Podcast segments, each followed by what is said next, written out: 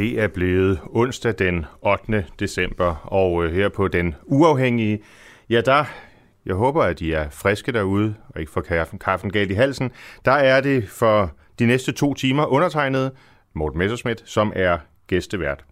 Og det bliver efter planen øh, to timer, hvor vi øh, både kommer igennem de dagsaktuelle nyheder, hvad er der sket, siden I gik i seng i går, hvordan ser verden ud, indrigs, udenrigs, og så videre. Det bliver øh, lidt om øh, principielle diskussioner, vi har øh, på Christiansborg.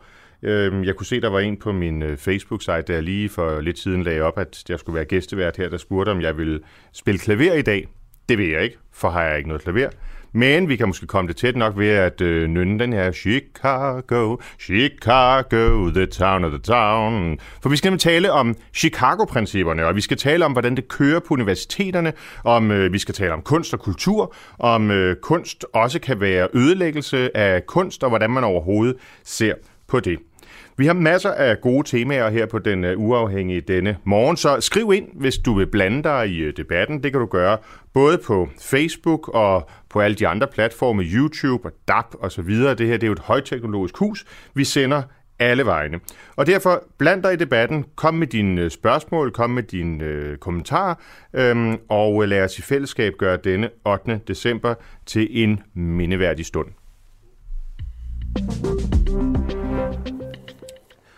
Som sagt, vi øh, lægger ud om ganske kort tid med en øh, debat, der var på Christiansborg i øh, afvigte uge, nemlig om Chicago-principperne. Og hvad betyder det egentlig?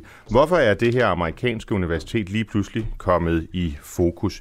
Jo, det er det, fordi vi igennem de seneste år, måske også det seneste årti, har oplevet en stadig politisering af hele universitetsverdenen. Det er der i hvert fald nogen, der påstår. Andre vil påstå, at det bare er en normalisering ovenpå mange, mange årtiers, måske århundreders dominans af den hvide mand.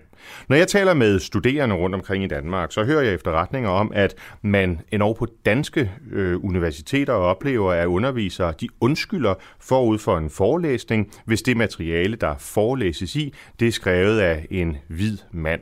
Øh, hvad der er værst, at vedkommende er hvid, at vedkommende er mand, det ved jeg ikke, men øh, det bliver vi lidt klogere på.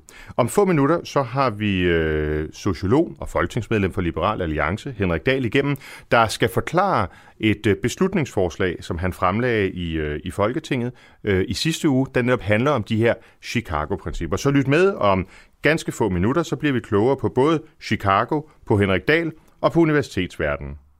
Lidt senere så øh, har vi, sætter vi fokus på den verserende bandekonflikt, og der har vi Jesper Gisli, der er chefredaktør på Hovedstadens Mediehus igennem, og han gør os klogere på, hvem det egentlig er, der skyder på hinanden derude.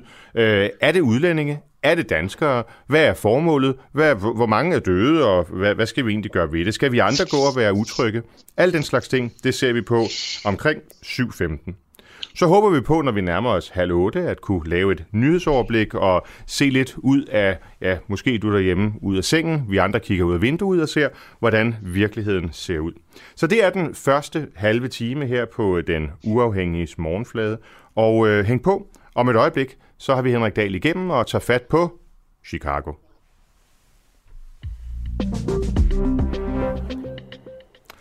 Henrik Dahl, godmorgen. Er du blandt de morgenfriske?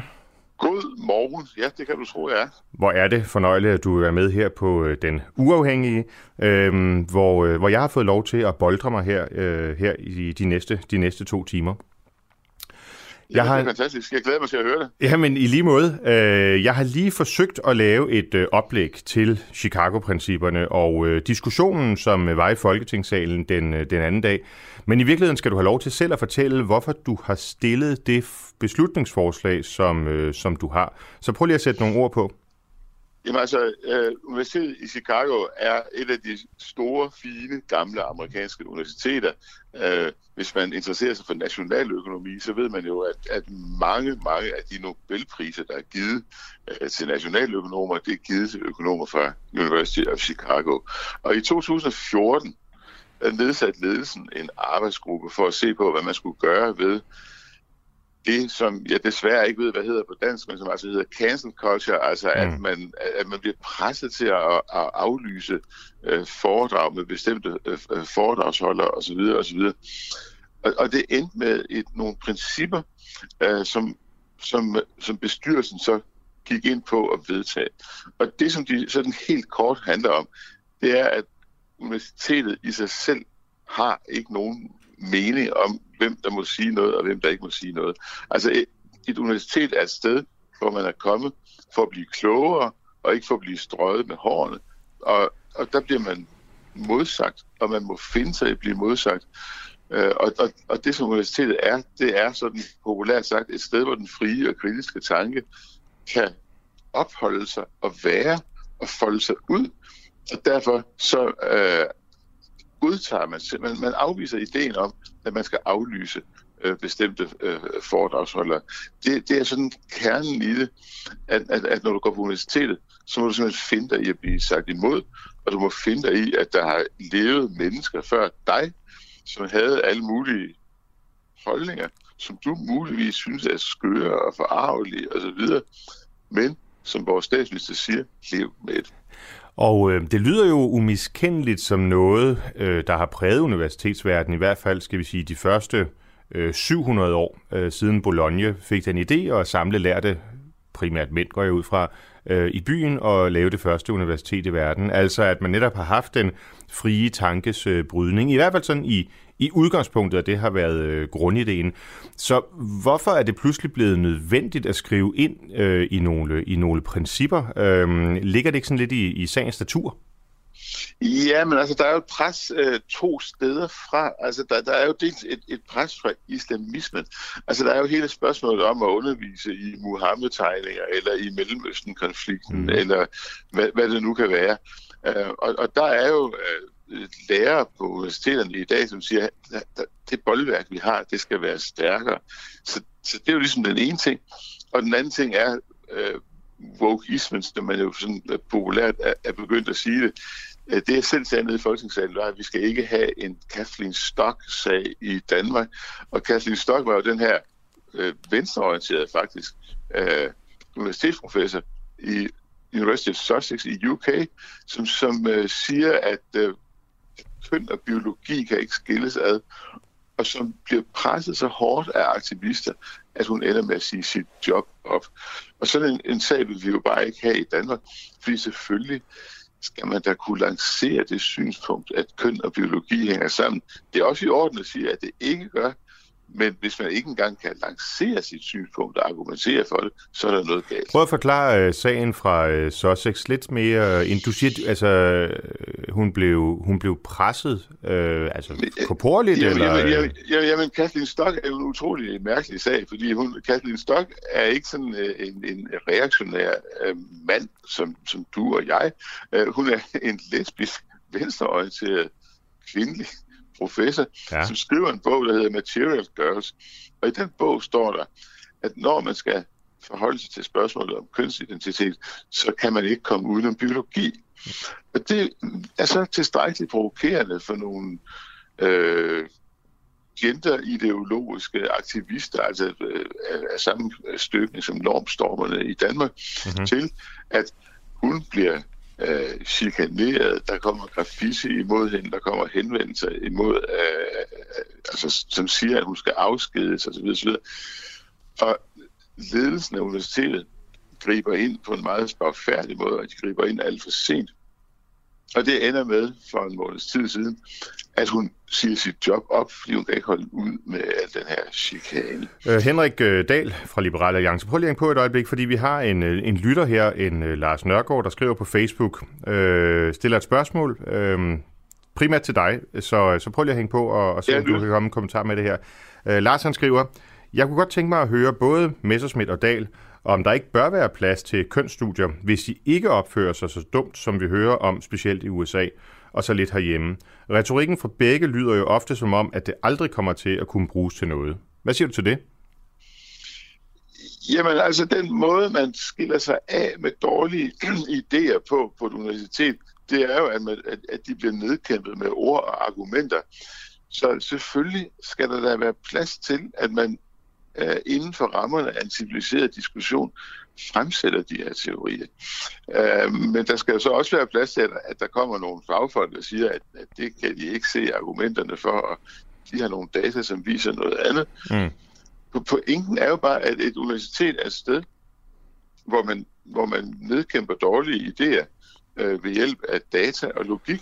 Men er det ikke sådan, er det, er det ikke sådan, at, at en, altså en fuldstændig objektivitet jo aldrig findes, og at uanset hvem man er, og hvor heroisk man, øh, man tilgår sin, øh, sin undervisningsgærning, jamen, så vil man altid også lade sin, sit valg af litteratur og sit valg af fakta styre af nogle, måske sådan helt ubevidste, men, men normative øh, øh, holdninger, øh, der så i virkeligheden jo gør, at det, man øh, underviser i, det bliver øh, subjektivt, øh, og at der derfor er, er brug for et korrektiv. Jamen altså, jeg vil citere øh, Lars Kvartrup, som er øh, professor øh, ved, øh, ved, ved DPU, og, og Lars, han siger jo, at det kan jo godt være, at det er svært sådan rent filosofisk at definere, hvad er sandhed. Men sandhed er også en norm. Mm. Altså, altså som, som, man, skal, man, skal have, man skal have dårlig samvittighed, hvis man lyver. Mm. Øh, det, det, det er jo det, som, sand, som det populært sagt betyder, at sandhed er en norm. Og der er jo et spørgsmål om normen om sandhed, og normen om objektivitet. Fordi det er jo rigtigt nok, at den her øh, viden, der er rent som destilleret vand, den kan vi måske ikke nå. Men vi, vi skal jo have en norm om at være savlige, og vi skal have en norm om at være hederlige, og vi skal have en norm om at, at bøje os for argumenter, der er bedre end dem, vi selv kommer med. Og hvis den norm holder op med at, at, at, at trives på universiteterne, så har vi et kæmpe stort problem. Så et er jo, at du kan have den filosofiske debat, som du lægger op til, men noget andet er, at der er en norm om sandhed, og en norm om saglighed, og en norm om objektivitet. Og de normer må vi ikke give slip på. Henrik, det... Øh, hånden på hjertet, har du nogensinde måtte bøje dig for et argument, der var bedre end dit eget?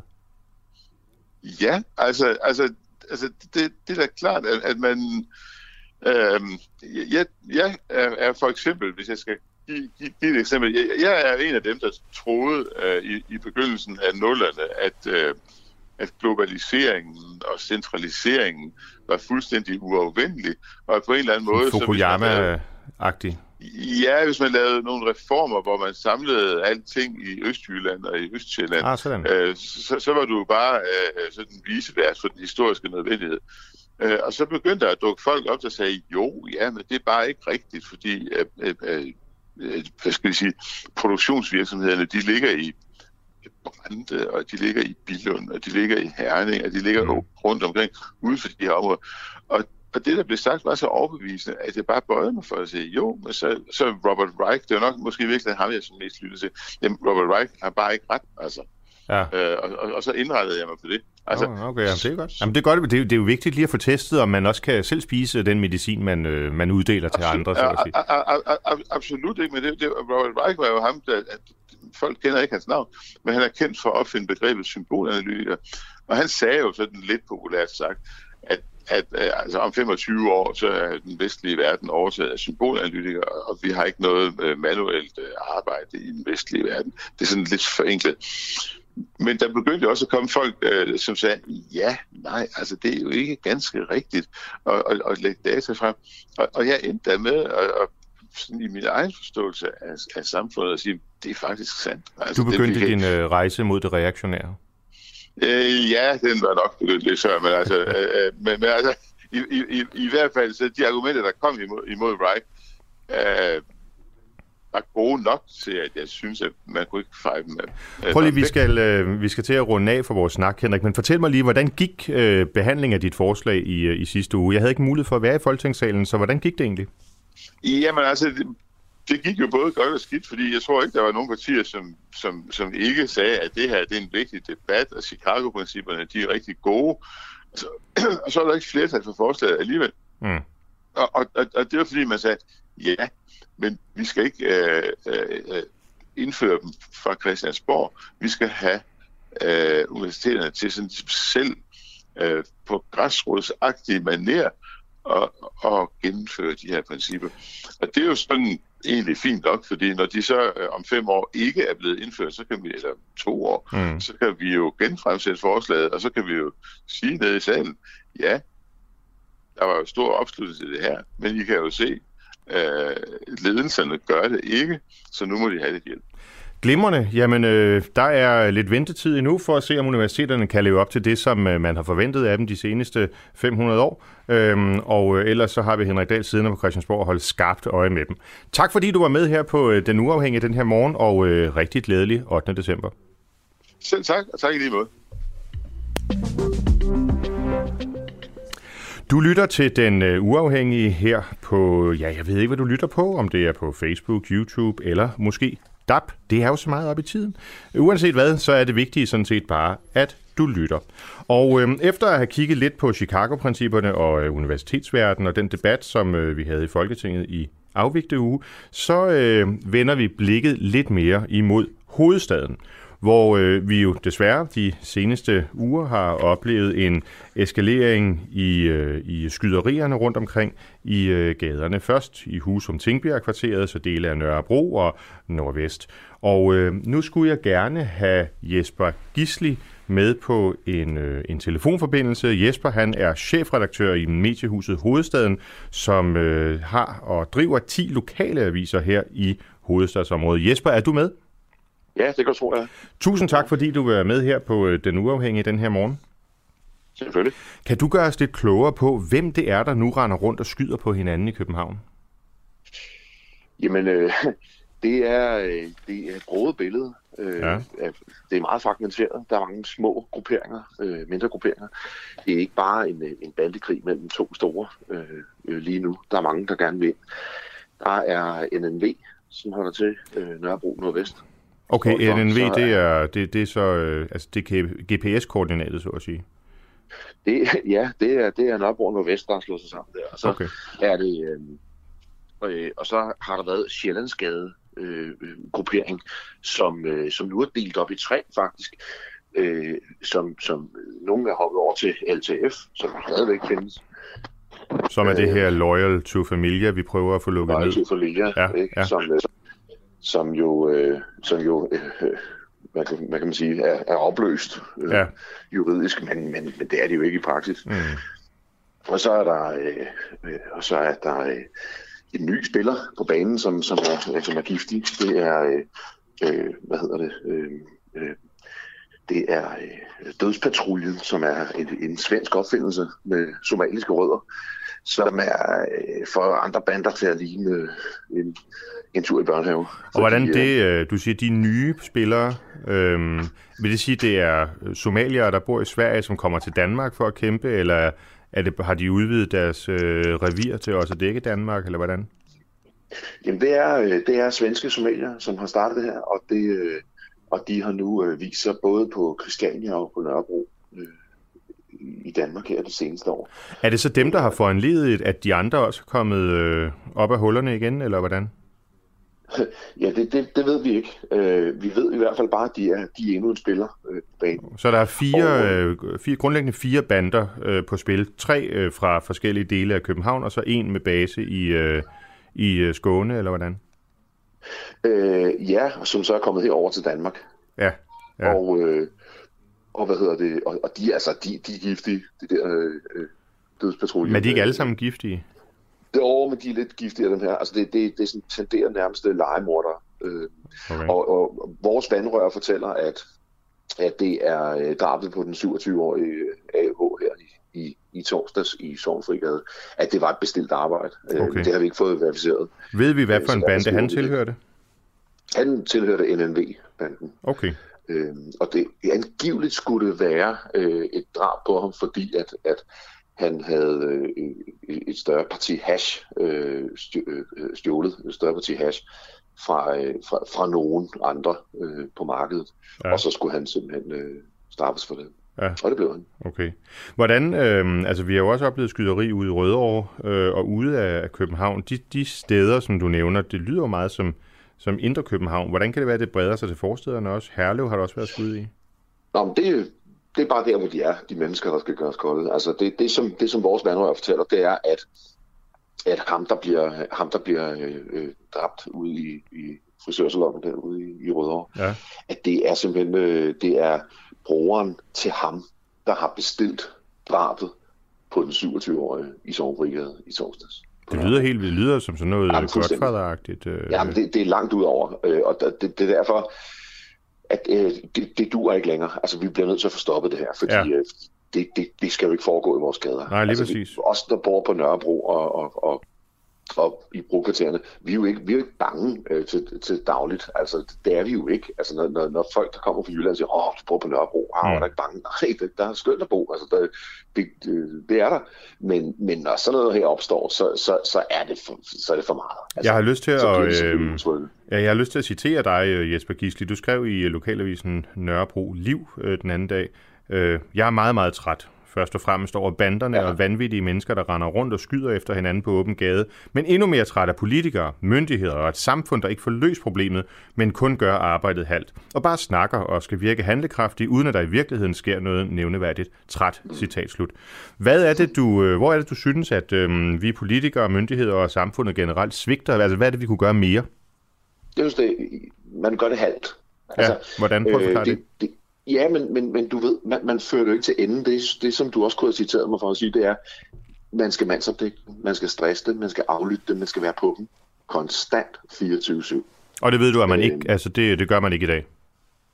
Det gør man øh, til tider, og det har man gjort før. Det var jo sådan, øh, Saud Khan fra, fra øh, ham, der lavede LTF, han, han røg ud af landet. Det var, fordi han mistede hovedet, fordi han blev mandsopdækket, og så kom han til at gøre et eller andet. Han, han, han tabte hovedet over for en betjent øh, og, og øh, for, fordi han var irriteret. Mm. Øh, og, og, det, og det har, man, man, har jo, man har jo set det før, mm. og det virker, og man, man, man, man kan godt gøre det. Det koster rigtig mange penge, men jeg synes, vi skal prioritere det, fordi det er også noget med som samfund at vise, hvad vil vi?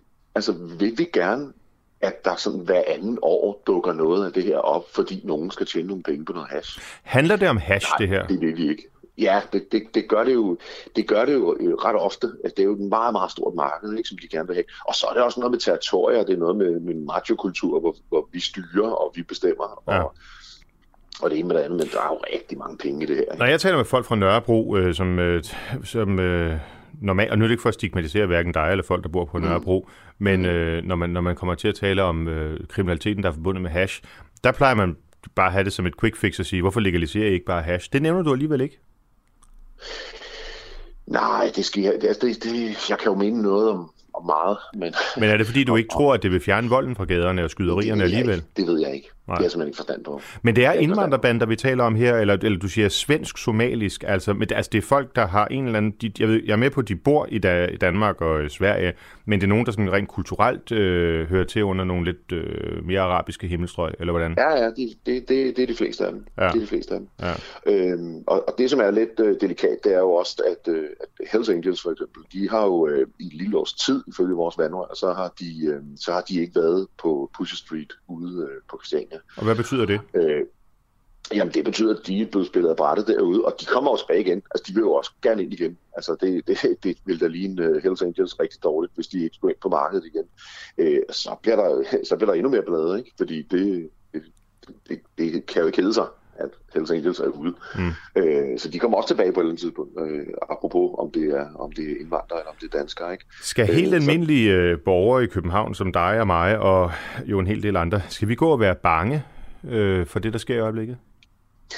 Jamen, det synes jeg jo, vi skal. Altså, et af mine livsmottorer er jo øh, bekymringer og forbliver oftest bekymringer. Men mm. lige i det her tilfælde gælder det desværre ikke. Altså, det her, det, det bliver grimt, og, og vi har kun lige set starten. Det bliver grimt, det, er det, er, det bliver værre end det her. Ja, ja, ja, det gør det. Øh, det er... Øh, det er kun lige begyndt, tror jeg, øh, desværre. Mm. Øh, og fordi det er så, så borget i billedet med, med så mange små spillere, grupperinger og ting og så, så, så, så bliver det, så bliver det et, et, et, et givet marked. Altså det tror jeg, det gør. Mm. Øh, jeg håber det ikke, men jeg, jeg synes jo selvfølgelig, altså når min kone siger, kan du ikke lige cykle en anden vej end, end forbi den røde plads, ikke? Ja. Øh, sidst der var bandekrig, ikke? fordi der, der skød man bare om sig, øh, ja. og, og, og uskyldigt blev ramt og sådan noget. Så selvfølgelig skal man da være bange for det og tænke, hvad fanden, altså er det, er det mig, der tager den næste øh, ja. kugle øh, ja. uskyldigt, ikke? Ja. Risikoen er jo selvfølgelig meget, meget lille. det skulle lige, Men derfor har man jo ikke lyst til at sende sine børn øh, forbi de områder, hvor man ved, det kan ske. Nej, præcis. Nej, præcis. Nej. Jesper Gisli, du skal have tak, fordi du gjorde os det klogere her, og jeg skal lige sige, at, øh, eller jeg skal lige spørge, hvor ved du alt det her fra? Altså, jeg ved godt, du ikke lige kan sige, at du har talt med øh, den ene og den anden, men øh, kan mm. du sige, hvor har du egentlig dine kilder fra? Jamen, det er jo, altså, der er jo kun tre mellem dig og paven, ikke? Øh, og sådan er det jo også her på Nørrebro. Man kender jo nogen, der kender nogen. Okay. Så, øh, så det er folk, øh, der er i miljøet? Ja, ja, eller, eller har kendskab til det, ikke? Ja, så, ja. Så sådan, okay. er, sådan, er det jo. sådan er det jo. Tak fordi du i hvert fald lige øh, intro både mig og lytterne her på Den Uafhængige i, hvad der foregår derude. Og, øhm, Velbekomme. Det var, og lad mig lige understrege, ja. det er jo ikke verificeret meget af det, øh, som jeg lige sagde. Nej, nej. Derfor skriver vi jo heller ikke om vi det. Vi snakker bare men, sammen. Men nu, nu spurgte du lige, hvad der var på vandrørene, og så fik du lidt. Og det er præcis det, vi gerne vil have. Tak for det. Jesper Gisli, chefredaktør på Mediehuset Hovedstaden. Tak for det, og rigtig god dag. I lige måde. Du lytter til Den Uafhængige her denne onsdag den 8. december, og klokken den er blevet 7.26, og det er derfor ved at være tid til et lille nyhedsoverblik. Man kunne selvfølgelig indvende, at vi allerede er godt i gang med det, fordi har man nogensinde fået så opdateret og præcis en analyse af bandekonflikten, som den vi netop fik. Jeg har ikke prøvet det før, men alligevel, vi bevæger os direkte til nyhederne. Høje smittetal for statsministeren til at varsle nye coronatiltag. Statsminister Mette Frederiksen forventer, at regeringen vil holde pressemøde i aften kl. 20.30 om nye coronarestriktioner. Det skyldes de høje smittetal og de mange indlagte, skriver hun på Facebook, regeringens foretrukne medie. Reaktionerne fra Dansk Erhverv og Horesta lyder, at de vil frede natteliv og julefrokoster. Pressede intensivlæger vil have en bid af den såkaldte sygehusmilliard, som politikerne forleden blev enige om. Landets læger på intensivafdelingerne appellerer til, at dele af milliarden fra finansloven til sygehusene målrettes til at fastholde og øge kapaciteten på intensivafdelingerne, det skriver Berlingske.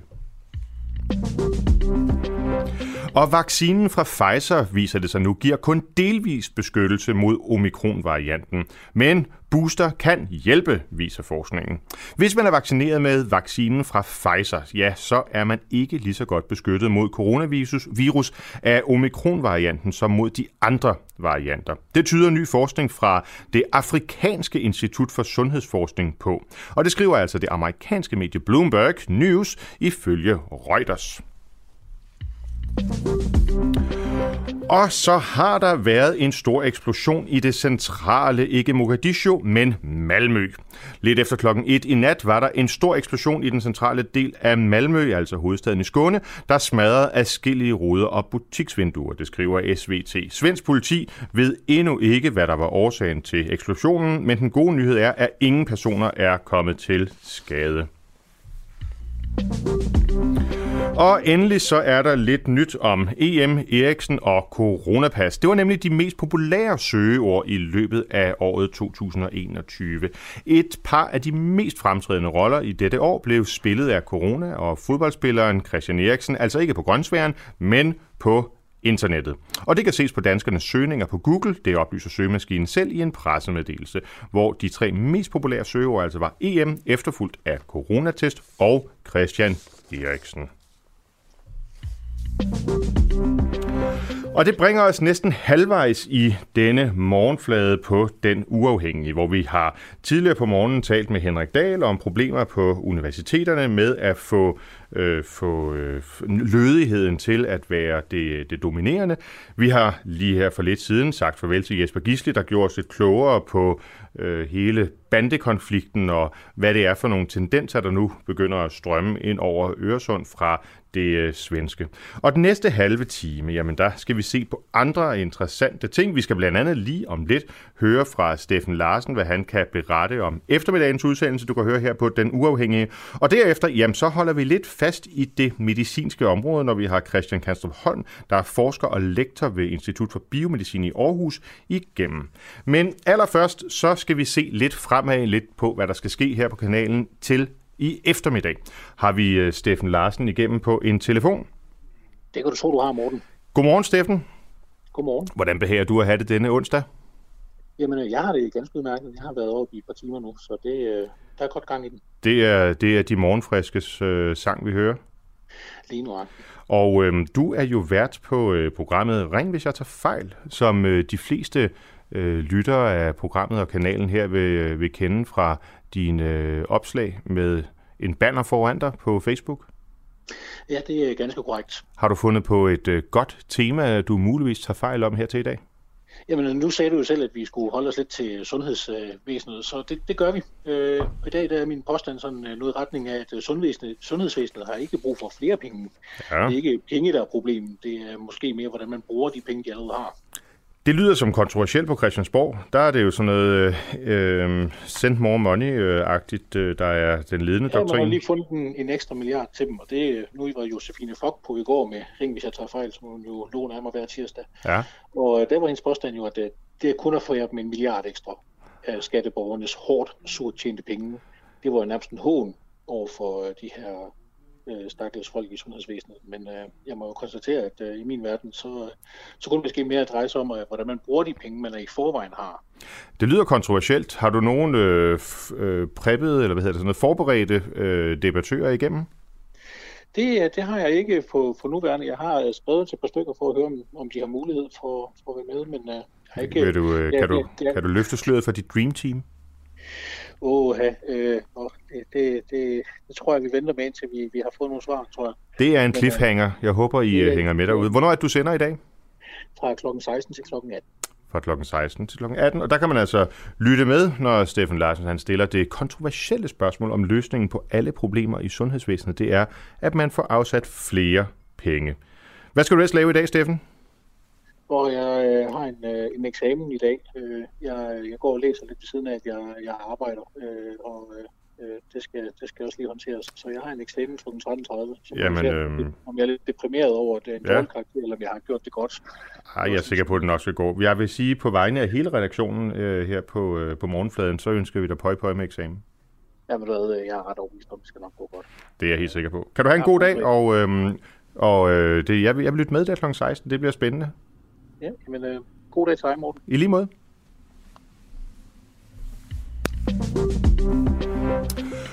Det var Steffen Larsen, som vi lige fik lov at lave en, jeg tror det hedder en teaser, øh, for sit øh, eftermiddagsprogram her på Den øh, Uafhængige.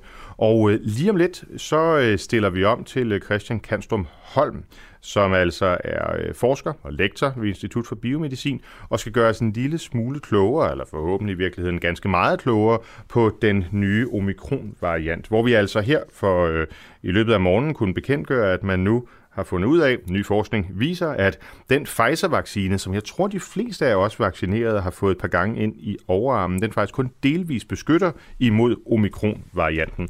Hvad gør vi ved det? Skal vi ud og vaccineres endnu en gang? Og hvad kan vi i virkeligheden forvente af nye varianter i, øh, i fremtiden? Alt det kan øh, Christian Kanstrom Holm gøre os øh, klogere på. Og hvis jeg ikke tager meget fejl, Christian, så skulle du være med på en linje nu. Ja, jeg er kommet ud af fjerne. Hvor er det godt, og øh, velkommen her blandt de morgenfriske. Tak skal du have. Kan du gøre os lidt klogere på den melding, vi har, øh, vi har fået her til morgen i forhold til, at Pfizer altså kun giver delvis beskyttelse imod omikron-varianten? Øh, ja, altså den, øh, hvad kan man sige, den udtalelse, jeg kiggede på, det var, at den gav lige så god beskyttelse ja. mod okay. sygdom, som øh, mod de andre øh, varianter her. Så øh, Okay, så vi skal ikke gå rundt og være nervøse, os der har fået Pfizer? Nej, det tror jeg bestemt ikke.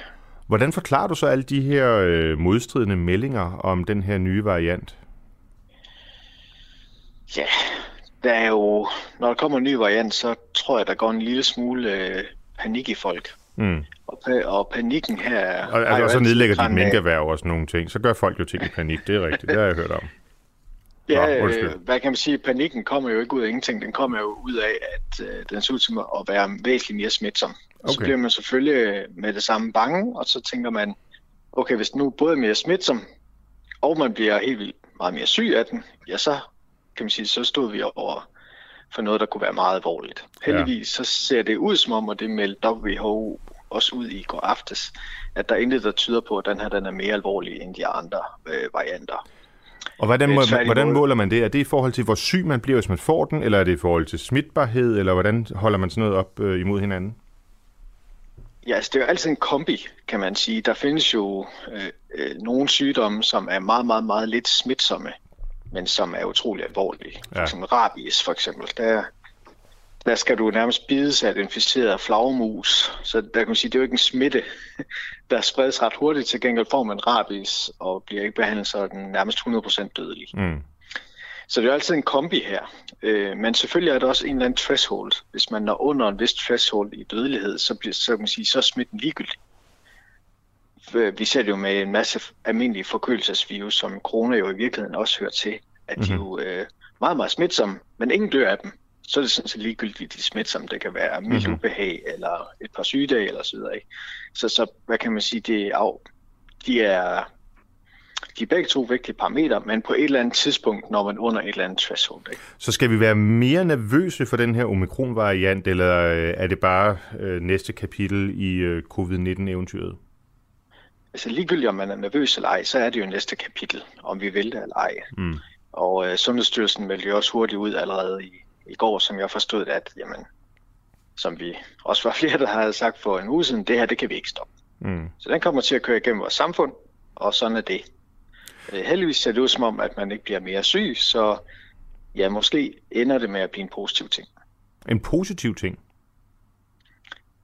Jamen, hvis, vi, hvis man bliver mindre syg af den her. Så vi skal være glade for, at omikron er, fortrænger de andre varianter? Ja, hvis de data, der, der er kommet ud, som dog er meget, meget tidlige, og man skal passe på med at konkludere alt for meget for hurtigt. Okay. Men hvis det står til troende, at man bliver mindre syg, og den er mere smitsom, ja så vil den jo udkonkurrere en mere farlig øh, variant. Altså lidt i den forlængelse, der øh, så jeg Nigel Kellow, der er tidligere konsulent for det britiske sundhedsvæsen. Han skrev øhm, på et efterhånden rimelig delt tweet, øh, og nu citerer jeg. Øhm, the first day of the Omicron wave in south of Africa was November 23rd. It was now dominant, 75% of cases. If it was more dangerous, we should have already started to see an increase in deaths, but we haven't. They are still falling. It's mostly producing mild symptoms. This is good news. End quote. Altså, øh, det lyder jo, øh, det lyder jo både fra Nigel Kellow, altså i Storbritannien og for dig, som om, at, øh, at vi ikke behøver at være sådan i panik. Alligevel så har vi fået et varsel om, at statsministeren øh, om cirka 13 timer har indkaldt til pressemøde, formodentlig for at lave nye nedlukninger i samfundet. Giver det mening så? Øh, nu er jeg jo ikke politiker, men øh, ikke i, ikke i Men netop øjne. derfor altså, vil vi jo gerne høre dit svar. Jamen, den eneste grund til at nedlukke samfundet, det vil, det vil i, efter, i min optik være, hvis sygehuset var på kanten af nedbrud. Og? Og det er jo så langt, langt, langt, langt fra tilfældet. Nu ender sig i hele regionen Midtjylland. Mm. Der er færre end fem indlagt på intensiv ved covid-19.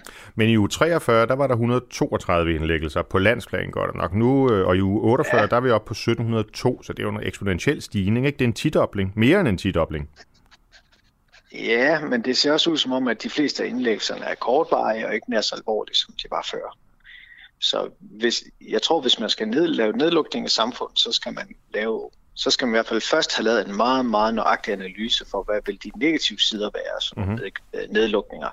Noget, der har været lidt fraværende i debatten indtil nu. Mm-hmm. Jeg har et par øh, lyttere, øh, som stiller spørgsmål. Øh, det håber jeg, at du øh, vil svare på, øh, Christian Kanstrup øh, Holm. Vi har øh, Frej, øh, Frej Moskov, der spørger, hvor mange egentlig døde af omikron på verdensplan? Ja, det ved jeg ikke. Han siger, han spørger her så bagefter, om det stadig er 0. Øhm, så hvis ikke du har hørt om nylige tilfælde, så må man vel antage, at det i hvert fald er et meget lavt antal. Altså, jeg kan helst ikke antage noget, uden jeg har Nej. nogle data, men det, men det, det, det lyder som om, det er meget... Øh, ja, ja. Øh, det lyder som om, det nok er, er utrolig lavt. Så hvad kan man sige, hvis man laver nye nedlukninger på baggrund af omikron, øh, så håber jeg, at der vil komme nogle øh, virkelig savlige øh, argumenter for, at det er en god idé. Så spørger øh, Pia Marie Horsted her, om øh, covid-19 så bare er på vej til at blive mere som en almindelig forkølelse. Det altså... kunne godt se sådan ud. Man skal passe på med at konkludere for hurtigt, men de symptomer, der er rapporteret, især fra Sydafrika, øh, men nu så jeg også fra Indien, øh, det gør, at også symptombilledet har ændret sig lidt. At det minder mere om sådan en overfladisk tør hoste, noget træthed og noget ubehag nogle dage. Okay. Øh, hvilket minder rigtig meget om en almindelig forkølelse, og det er jo også en forkølelsesvirus. Hvordan kan det så, så være, underligt. Hvordan kan det så være, altså du nævnte WHO tidligere, Verdenssundhedsorganisationen, altså de udnævnte jo 26. november, hvad er det? Det er 14 mm, dage siden, øh, udnævnte omikron til, hvad de kalder en variant of concern. Og det skulle betyde, at vi skal være særlig opmærksom på og nøje følge øh, udviklingen af omikron. Det, det, det vil ikke, det, vil man gøre det, hvis det bare var sådan en almindelig snue?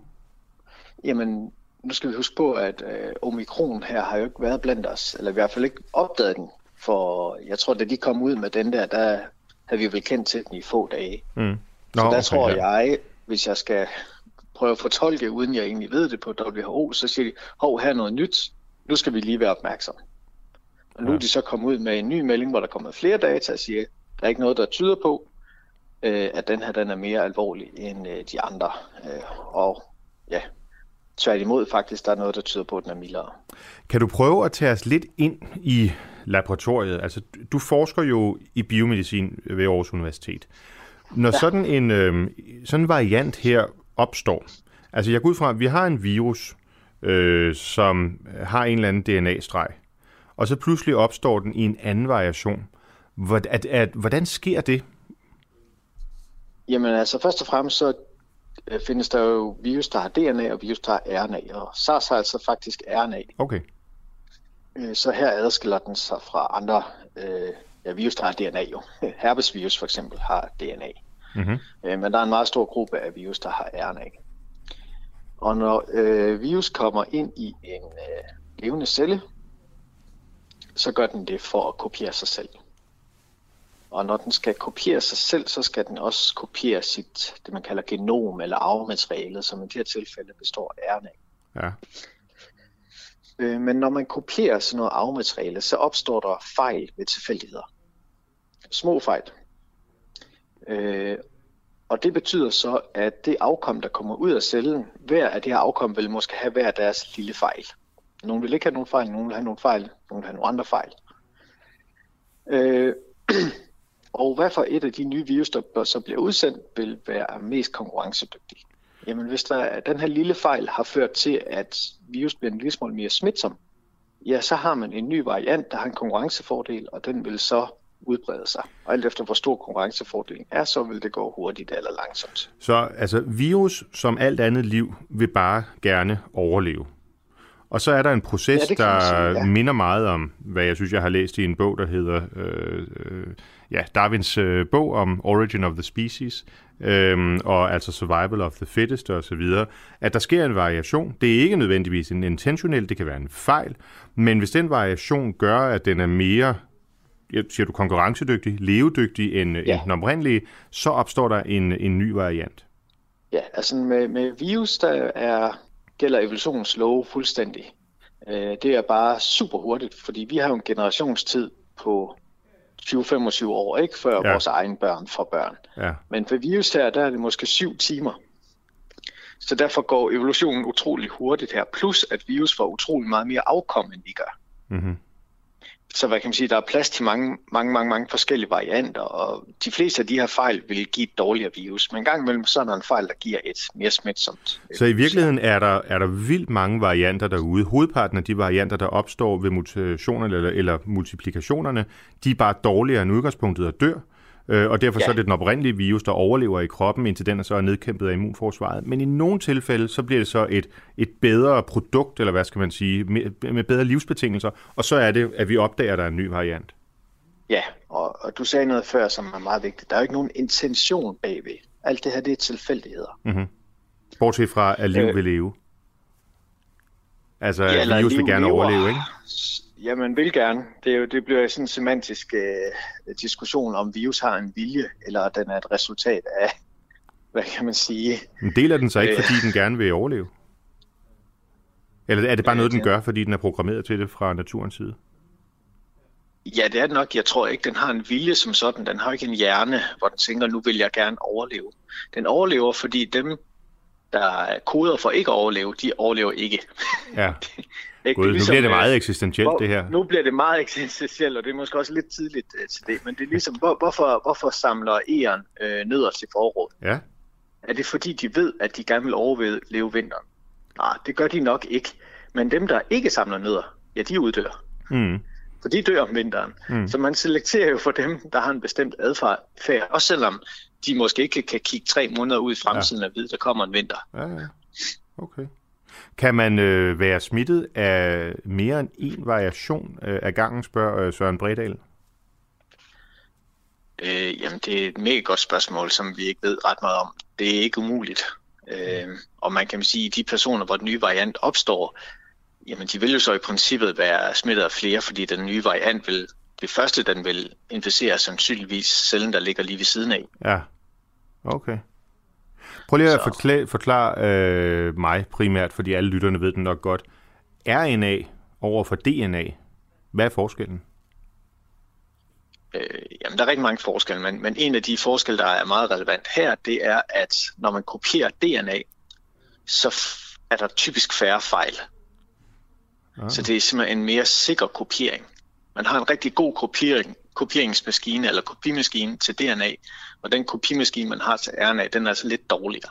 Men strukturen så, er den samme, altså den der lidt musetrappeagtige ting, som vi alle sammen har set i biologitimerne? Det er den samme, øh, stort set, ja. Mm. Øh, der, der er lige nogle enkelte med nogle ekstra kemiske grupper på osv., men, men det ligner sådan rimeligt hinanden. Ikke? Men vi skal grundlæggende være glade for, så at det er en RNA, fordi den er dårlig til at kopiere sig, det vil sige, så opstår der faktisk færre varianter, end hvis det havde været DNA-baseret. Nej, omvendt. Nå. Kopimaskinen til DNA er god. Kopimaskinen til RNA er dårligere. Så der er færre fejl ved DNA, ja. end der er ved RNA. Og så vi skal være glade det... for, at SARS og covid-19 er en RNA-baseret? Ja, det ved jeg ikke, om man kan sige. Der er mange andre ting, der spiller ind. HIV for eksempel er en... Øh, det er også en RNA-virus, ikke? og den okay. er jo ikke specielt sjov. Så, så jeg tror ikke, man kan ikke skære den sådan. Øh, okay. Jeg prøver på, jeg, jeg leder efter positive nyheder ja. her. Øhm. Jamen, jeg synes, der er, jeg synes, der er det er positivt, at uh, Omikron den ser ud til, at den ikke uh, er mere farlig. Mm. Og med den her smitterate her, så kan det være, at vi opnår en eller anden form for flokimmunitet, mm-hmm. uh, før vi havde regnet med. Vi skal dog forberede os på, at flokimmunitet nok ikke var ja. ret lang tid, nok ikke til mere end til næste vinter. Okay. Jeg ved godt, jeg er gået lidt over tiden, jeg skal bare lige stille et spørgsmål mere, fordi jeg synes, det er så spændende ja. det her. Hvis man så har haft øh, omikron-virus øh, i kroppen, er man så også immun over for andre varianter, som er senere afledte af omikron? Det er overhængende sandsynligt, ja. Okay. I hvert fald mod, i hvert fald mod sygdom. Øh, så som, hvad kan man sige, gennem historien, vi har jo brugt vacciner i rigtig mange år, mm. og det har jo virkelig revolutioneret hvad kan man sige, øh, modstandsdygtighed over for infektioner på verdensplan og, mm. og reddet milliarder af mennesker. Mm. Øh, men vi har jo typisk ikke kigget på, om man bliver reinficeret. Vi kigger jo typisk på, om man får sygdommen. Ja. Og nu begynder det jo så at gå op for os her, fordi at vi tester så meget, at hey, selvom man er vaccineret, og faktisk også tit selvom øh, man har haft en så, øh, syg, øh, sygdommen før, så kan man måske godt blive øh, inficeret, bare ikke i en grad, så man selv bliver syg, man lægger simpelthen ikke mærke til det. Ah, okay. Og hvor, hvor udbredt det så er for andre øh, typer sygdomme, ja, det ved vi faktisk ikke. Time will show. Ja. Fantastisk interessant, øh, Christian Kanstrup Holm. Tak fordi du lader med her i øh, Den Uafhængige her til, til morgen og gør os klogere på, hvad vi har at vente.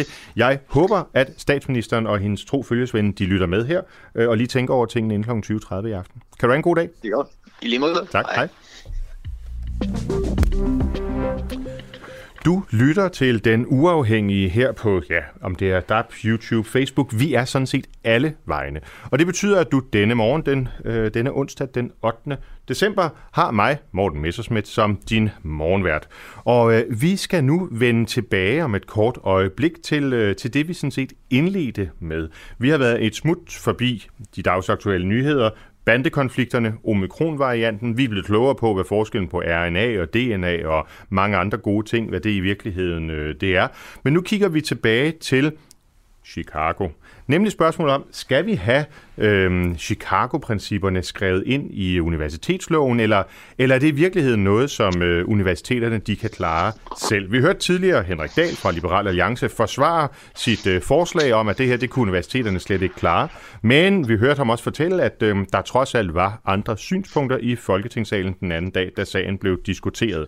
Og nu er vi så heldige at have medlem af Folketinget for Socialdemokratiet og formand for Uddannelses- og Forskningsudvalget, Kasper Sand Kær, igennem på en telefon. Er det rigtigt, Kasper? Godmorgen, yes, og tak fordi du, øh, jeg hører dig så fint og tydeligt, tak fordi du vil, øh, du vil være med uh, her i, i udsendelsen her til morgen. Selvfølgelig. Når det er du, dig, der spørger, så er det svært. det er dejligt at høre. Jeg ved ikke, om du har hørt den uafhængige hele morgen, men vi havde som sagt øh, Henrik Dahl fra Liberal Alliance med øh, lidt tidligere, som forklarede og øh, forsvarede sit, øh, sit beslutningsforslag, der var i Folketingssalen den anden dag. Øh, hvordan ser Socialdemokratiet på hele det her spørgsmål om øh, Chicago-principperne? Jeg synes, der ligger øh, mange spændende øh, og gode ting i, i, øh, i, i Chicago-principperne, som jeg sagtens kunne se anvendt i en eller anden form på øh, Øh, de danske universiteter. Øh, og, og der er jo heller ikke nogen tvivl om, det har vi jo også sagt masser af gange, at der har været nogle sager på universiteterne, som jo også vækker øh, bekymring for øh, forskningsfriheden. Jeg tror bare, det der er vigtigt, er, at vi ikke i kampen for at bevare øh, den uafhængige, øh, frie øh, forskning ender med at øh, indskrænke den ved at bestyre den fra, fra Christiansborg. Derfor synes jeg, der er masser af potentiale i at diskutere, hvordan arbejder universiteterne med det, men derfra altså til at skrive det direkte ind i universitetsloven, der, der synes jeg, der er langt. Men er det fordi, I slet ikke anerkender, at øh, det her øh, problem, som, som vi hørte det beskrevet tidligere, at det findes i Danmark, eller er det fordi, I har tillid til, at øh, det klarer universiteterne selv? Mm, nej, altså jeg tror, det findes i Danmark, men jeg tror også, det er vigtigt, at vi har proportionerne øh, på, hvor, hvor, hvor udbredt øh, det er. Og, og derfor er det jo vigtigt, at vi følger det tæt, og derfor har vi jo også, og det ved du jo, du har jo været en af dem, mm-hmm. har vi jo politisk haft også rimelig stort fokus på, øh, hvordan det ligesom går med den her sådan, identitetspolitiske strømning ude på, ja. øh, på universiteterne. Øhm, og det synes jeg sådan set også i stigende grad er en af de vigtige ledelsesopgaver, som, som universiteterne øh, står med, er jo at finde en måde at håndtere det her på. Der er jo ingen tvivl om, at der også er en generation af øh, studerende, som hvilket jo også rummer, øh, synes jeg, mange sådan positive øh, potentialer, sætter spørgsmålstegn ved kønsidentitet, ved normer, øh, ved måden, vi anskuer øh, vores historie, øh, øh, køn i det offentlige rum osv. Alt, alt det kan jo sådan set være, tror jeg, rigtig godt og udviklende, men vi er jo nødt til at håndtere det på en måde, hvor at vi ikke ser de eksempler, vi har set, både på universiteterne, på vores kunstneriske uddannelser, og som vi jo i særdeleshed har mm. set i USA, hvor at, at, at det bliver så Øh, styrende, at man ikke kan have andre holdninger, eller forskningsmæssigt, måske endnu vigtigere, ikke kan anlægge et andet perspektiv, øh, end, end det sådan, kan man sige, udspringende af det identitetspolitiske. Ja, ja. Altså noget af det, jeg har oplevet, øh, når jeg har talt blandt andet med, med øh, unge øh, studerende, øh, jamen det er, at øh, lærere og undervisere på universiteterne eksempelvis inden en forelæsning øh, undskylder hvis, hvis de ikke har været i stand til at finde øh, undervisningsmateriale, der måtte være skrevet af andre end, end hvide mænd. Øh, Kasper Sandkær, øh, du og jeg, øh, nu håber jeg ikke, at jeg tillægger dig noget, som du ikke øh, ønsker skal frem i offentligheden, men du og jeg, vi, vi ligner, hvide mænd. vi ligner umiskendeligt ja. hvide mænd. Altså, hvad ja. synes du om, at man øh, som underviser står og undskylder over for de studerende, hvis det er dig og mig, der har skrevet en artikel, der ligger til grund for undervisningen? Ja, det er jo ikke nødvendigvis det, man undskylder for, men det er vel den manglende diversitet, øh, i, øh, i pensum, og det kan jo så øh, jo enten skyldes, at der ikke er øh, nogen andre end hvide mænd, der har skrevet øh, ja. lærebøgerne, så kan det jo være svært.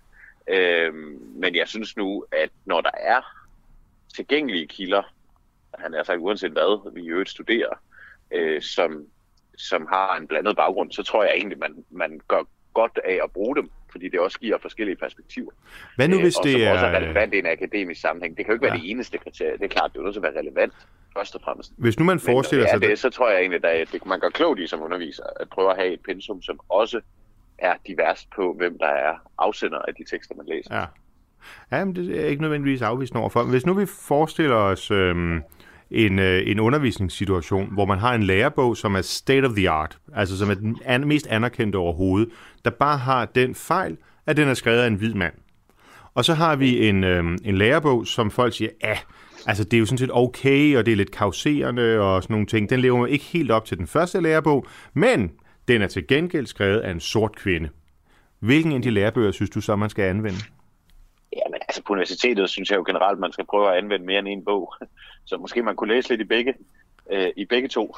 Øh, det, det tror jeg da, jeg vil, jeg vil anbefale, uden lige at have læst øh, nogle af, af de to fiktive bøger, vi ja, ja. diskuterer nu. Men, men, men altså, jeg tror bare, pointen er jo, at øh, man jo også i kraft af øh, den, man er, har forskellige erfaringer med sig øh, i livet, og derfor måske også angriber en forskningsproblemstilling øh, forskelligt. Og det tror jeg er meget sundt at bringe de perspektiver ind i øh, undervisningen. Det kan ikke være det styrende, når vi, når vi ved jeg, studerer kvantefysik.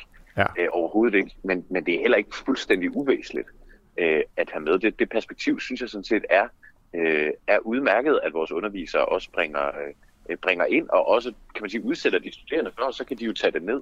Men hvorfor? Eller lade være. Men jeg tror sådan set, jamen jeg tror sådan set, det giver noget godt til den, den almene akademiske dannelse, øh, uanset hvad man studerer, at man også er bevidst om, at de tekster, man læser, eller det pensum, man øh, studerer, jo også har et ophav i nogle personer, som har forskellige erfaringer med sig, øh, i livet. Og der er forskel på, tror jeg, eksempelvis hvis man nu læser to amerikanske lærebøger, om det er en øh, sort kvinde i 50'erne, og den erfaring, øh, hun har med sig fra at blive akademiker i et terrasseopdelt land, og en ung øh, hvid mand. Og det tror jeg også vil øh, smitte af på den måde, man, man angriber en problemstilling, næsten uanset emnet. Men som sagt, det må jo ikke være det styrende. Men vil det ikke være mere relevant i virkeligheden at deklarere, hvis de har en eller anden stærk politisk holdning? Altså, jeg, jeg, jeg er jurist, og jeg kan læse på visse fag, øh, da jeg læste på Københavns Universitet, jamen der kunne man helt klart mærke, at øh, den, der havde skrevet lærebøgerne, var bare altså, vanvittigt venstreorienteret. Ikke?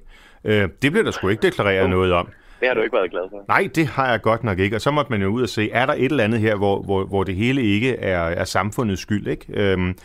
og, og, og, altså, vil, vil det ikke være mere? Altså, jeg vil, jeg vil synes, det var dejligt, hvis en underviser ville sige, jeg kan simpelthen ikke finde andet materiale end det her, som er skrevet sådan pseudosocialistisk. Det beklager jeg, men sådan er det bare. Altså, så vidste man, er det ikke mere relevant, end at finde ud af, hvilket køn forfatteren har? Mm. Jo, det synes jeg da også det kan være relevant. Måske øh, afhængigt af, af emnet.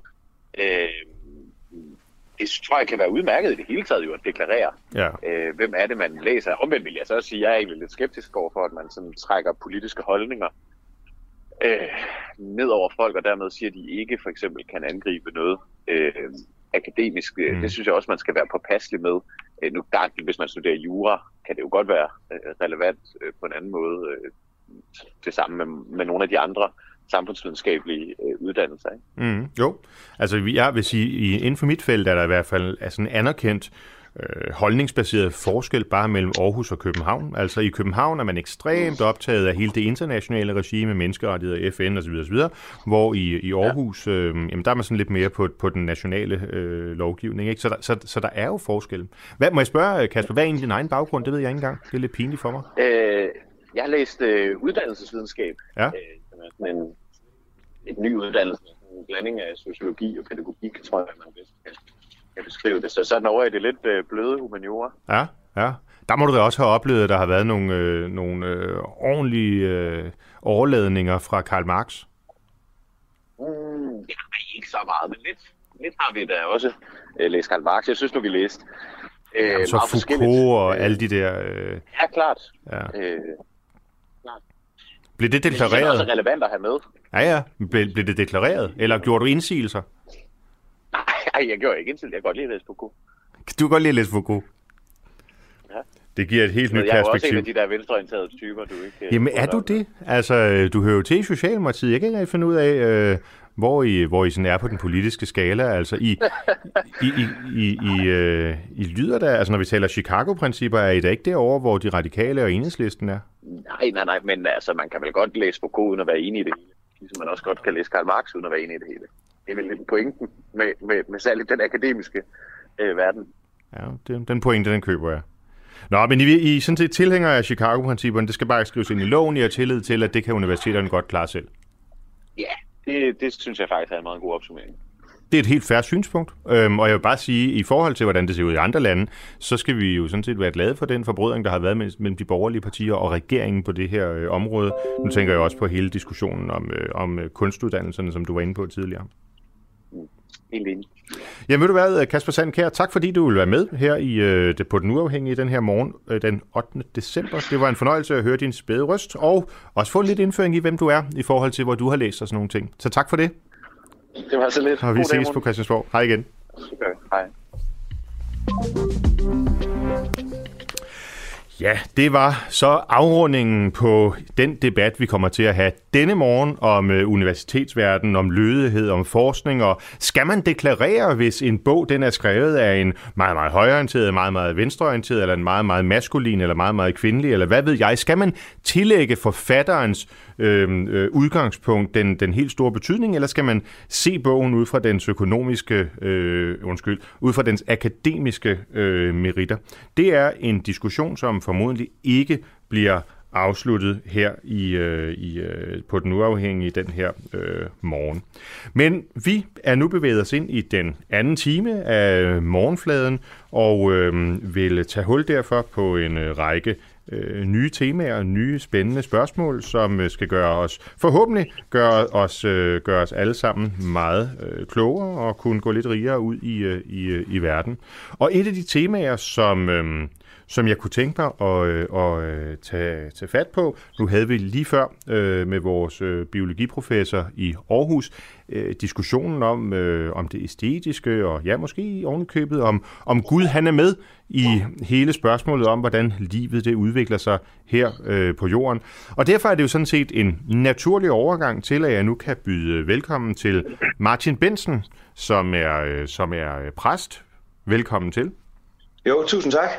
Og øh, udover at være præst, så har du også en, øh, en fortid, som du måske ikke deler med så mange igen af dine, øh, af dine øh, præstekollegaer øh, rundt omkring i, øh, i landet. Men du er for halv, øh, halvandet år siden blevet ansat som præst i en øh, midtjysk frimenighedskirke. Øh, ja. Prøv at fortælle lidt om din baggrund og hvordan du egentlig er kommet dertil, hvor du er i livet i dag. Ja, det vil jeg gøre. Altså, nu er ikke sådan, de der pressekollegaer, jeg har, de er, de er godt klar over min fortid. Det er det, jeg spillet en helt åben kort med. Men det, men det er klart, at jeg har ikke, man kan sige, en traditionel baggrund, hvis man kan sige det som præst. Altså, jeg har siddet ja, 13 år i fængsel. Ikke?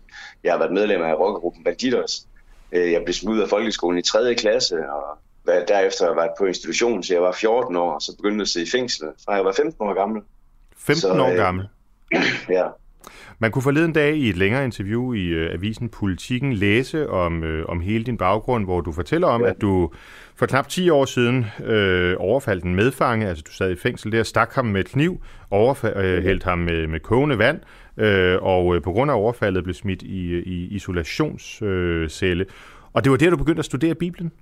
Det er rigtigt. Man kan sige, det der med 10 år siden, det, var, det, det, det er over 10 år siden, jeg kom ud af fængslet. Så det, der, der okay. er lige lidt med det. Men det er også lidt, men det er ligegyldigt. Jeg, Øh, ja, det gjorde jeg, øh, fordi jeg begyndte jo at få det, altså det vil man sige, øh, altså jeg har længe opgivet håbet på mig selv, og, og alle andre også, og jeg tænker bare, når man har følt sig forkert hele livet, øh, så ved jeg ikke, når jeg tror, når man rammer bunden nogle gange, så tog jeg fat i Bibelen og begyndte at læse i den, og det ændrede fuldstændig mit måde at se mig selv på, min måde at se mine medmennesker på, og så tænkte at øh, det er det her, jeg skal, jeg skal bruge mit liv på. Og hvad var det i Bibelen, altså, øhm, altså gammeltestamentlig, hvis vi skal bruge Gud, eller hvis vi bruger grundvis begreber, så gammeltestamentet, der er Gud jo en, en vred og straffende mand, hvor i Nyt Testamente, øh, der bliver han øh, forbarmende og mild og har sendt sin søn herned til soning af alle vores sønder.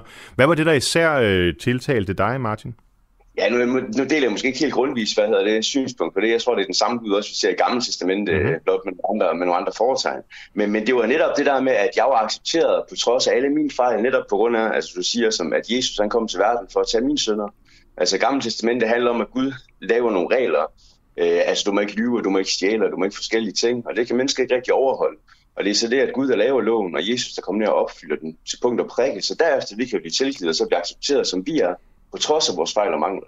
Og det var det, der talte til mig, kan man sige. Mm. Jeg begyndte lige pludselig at se mig selv som om, at min identitet, den lå ikke i, at, at jeg har set mig selv som dum, grim, fed og ulækker. Men netop, at, at min identitet ligger i, at jeg er et menneske, der kan trække vejret. Det er mm. det, min identitet, og det, der giver mig værdi som menneske. Så det at se sig selv som en, der faktisk er, kan man sige, født som sønder, altså der er nogle regler, øh, nogle principper, de 10 bud, og der er vist også en, en 600 andre i, øh, i Gamle Testamente, hvis man tæller ja, 600, det sammen. 613, ja. ja, ja. Øhm, men, at, men at se sig selv og, og lære at komme overens med sig selv som en, der er skabt ufuldkomment. Er det det, du taler om? Ja, ja lige præcis, ja. Og så er det at være kristen, tænker det er i bund og grund at acceptere, at vi er et menneske med fejl og mangler, som træder ved siden af. Ja. Men heldigvis har vi, ja, altså skal man sige, Jesus har, har styret på det. Og det er jo ikke bare at et fripas for at leve, som man vil. Det er jo netop det der, når man forstår, at man er elsket, så får man lyst til at gøre ting. Altså, jeg, jeg elsker min kone nu på jorden, og hvis hun beder mig om at holde op med at gøre nogle ting, jamen så gør jeg det jo på grund af, at jeg elsker hende, ikke fordi jeg skal gøre det. Så det er kærligheden, der er rettesnoren? Ja, lige præcis, ja. Hmm. Hmm.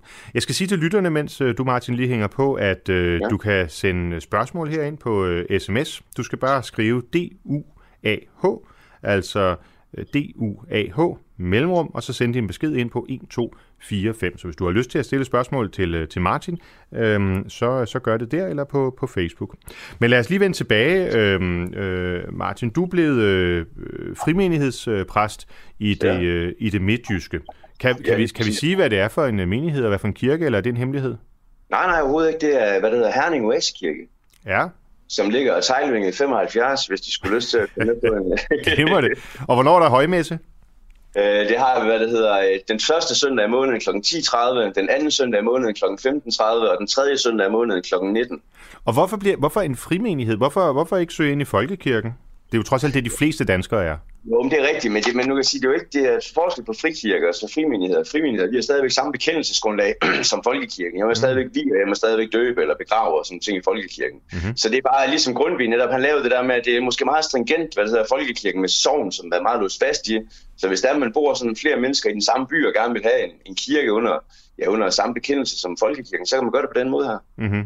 Mm-hmm. Og så kan man så enten være her i, altså tage en bachelor, arbejde i en frimenighed i fem år, og så blive ansat i en folkekirke, eller tage kandidatfærd. Hvordan har din menighed så taget imod dig, altså med den må man sige, meget atypiske, men jo også ret voldsomme, øh, nogen vil måske endda sige frastødende, øh, fortid du har, altså med, med, med vold, og du nævner øh, bandemiljø, band, eller hvad hedder det, banditter og så videre.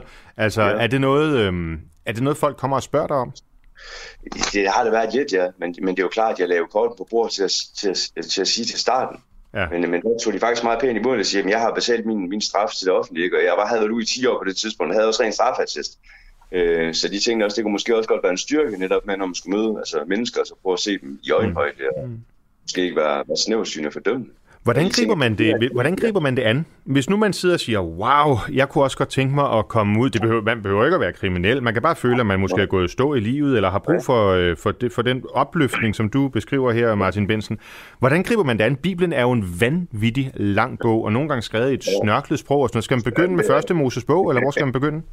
Nej, det tænker jeg, det, det, det, det giver nok ikke så meget mening, men man har noget baggrundsviden. Altså, jeg mener med at læse de små breve, altså noget som Kolossenserbrevet, altså, som er nogle få kapitler, Galaterbrevet, Romerbrevet, det er lidt længere 16 kapitler. Nogle af de her breve, som Paulus han skriver, fordi der, der, der forklarer man, hvis man ikke har en forudviden, det er jo til folk, der ikke er kristne, eller til hedningene, kan man sige, hvor han skriver, hvor de kommer med nogle problemer. Så der får man sådan rimelig godt, hvad der hedder, greb på, hvad det er med kærligheden, med frelsen og de ting. Sådan, så og det er Paulus, som du siger, som rejste rundt ja. der øh, umiddelbart efter Jesus faktisk var død, så var han i uh, Grækenland og i uh, det nuværende Tyrkiet, i Rom ja, og andre ja. steder og forkyndte ja. budskabet. Ja, lige præcis, ja. ja han har skrevet en 13 breve af dem, der er i Nye Testamente. Ja, ja.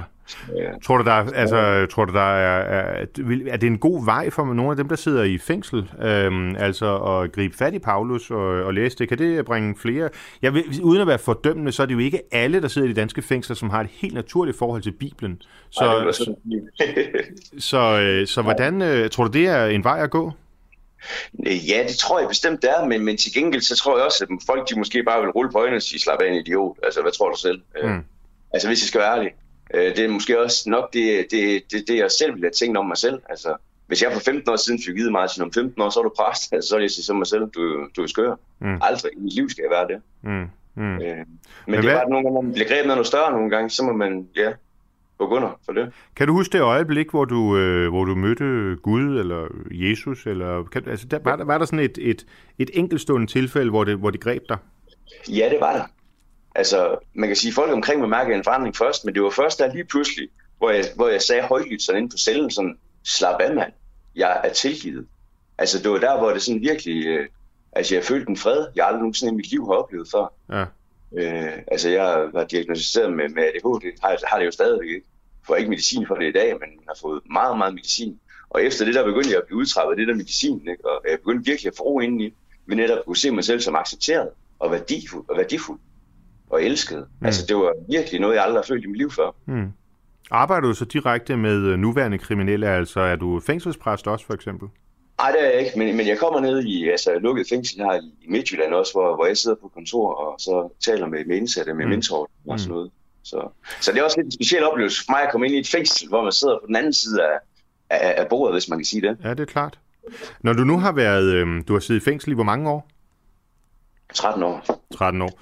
Så du må, ja. du må kende lidt også til de kriminelle øh, netværk og øh, måske banderne. Altså, ja. ved du egentlig noget om, hvad der foregår her i København øh, i forhold til, til de her bandekonflikter og skyderier? Altså, kan du give os noget insight der? Nej, det ved jeg faktisk ikke. Altså, jeg, jeg, man kan sige, jeg har været ude af det der miljø og ude af det game i mange år, og jeg, jeg har ikke interesseret i, altså, og, og, altså, fordi det, der er det, der hedder lige børn leger bedst, ikke? og vis mm. mig dine venner, så skal jeg fortælle mig, hvordan du er. Og jeg tænker, jeg vil gerne omgås folk, som rent faktisk vil samme sted i livet, som jeg vil. Mm. Altså ikke fordi man ikke kan, kan lave noget, noget, noget, hvad hedder det, noget relationelt arbejde med at prøve på at hjælpe folk og sådan noget ting. Det tror jeg også, man skal. Ja. Men, men ens omgangskreds og ens vinde, det, det skal ikke være, hvad hedder bandefolk og kriminelle. Nej. Ikke for mit ved. De skal selv ville komme ud af det, før du kan hjælpe ja, lige, dem. Ja, lige præcis, ja. Ja, ja.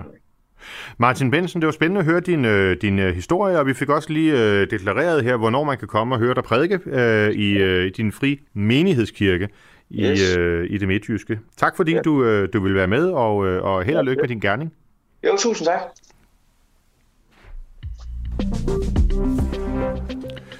Du lytter til Den Uafhængige denne onsdag morgen, hvor klokken den har passeret 8, og øh, vi skal have et lille nyhedsoverblik.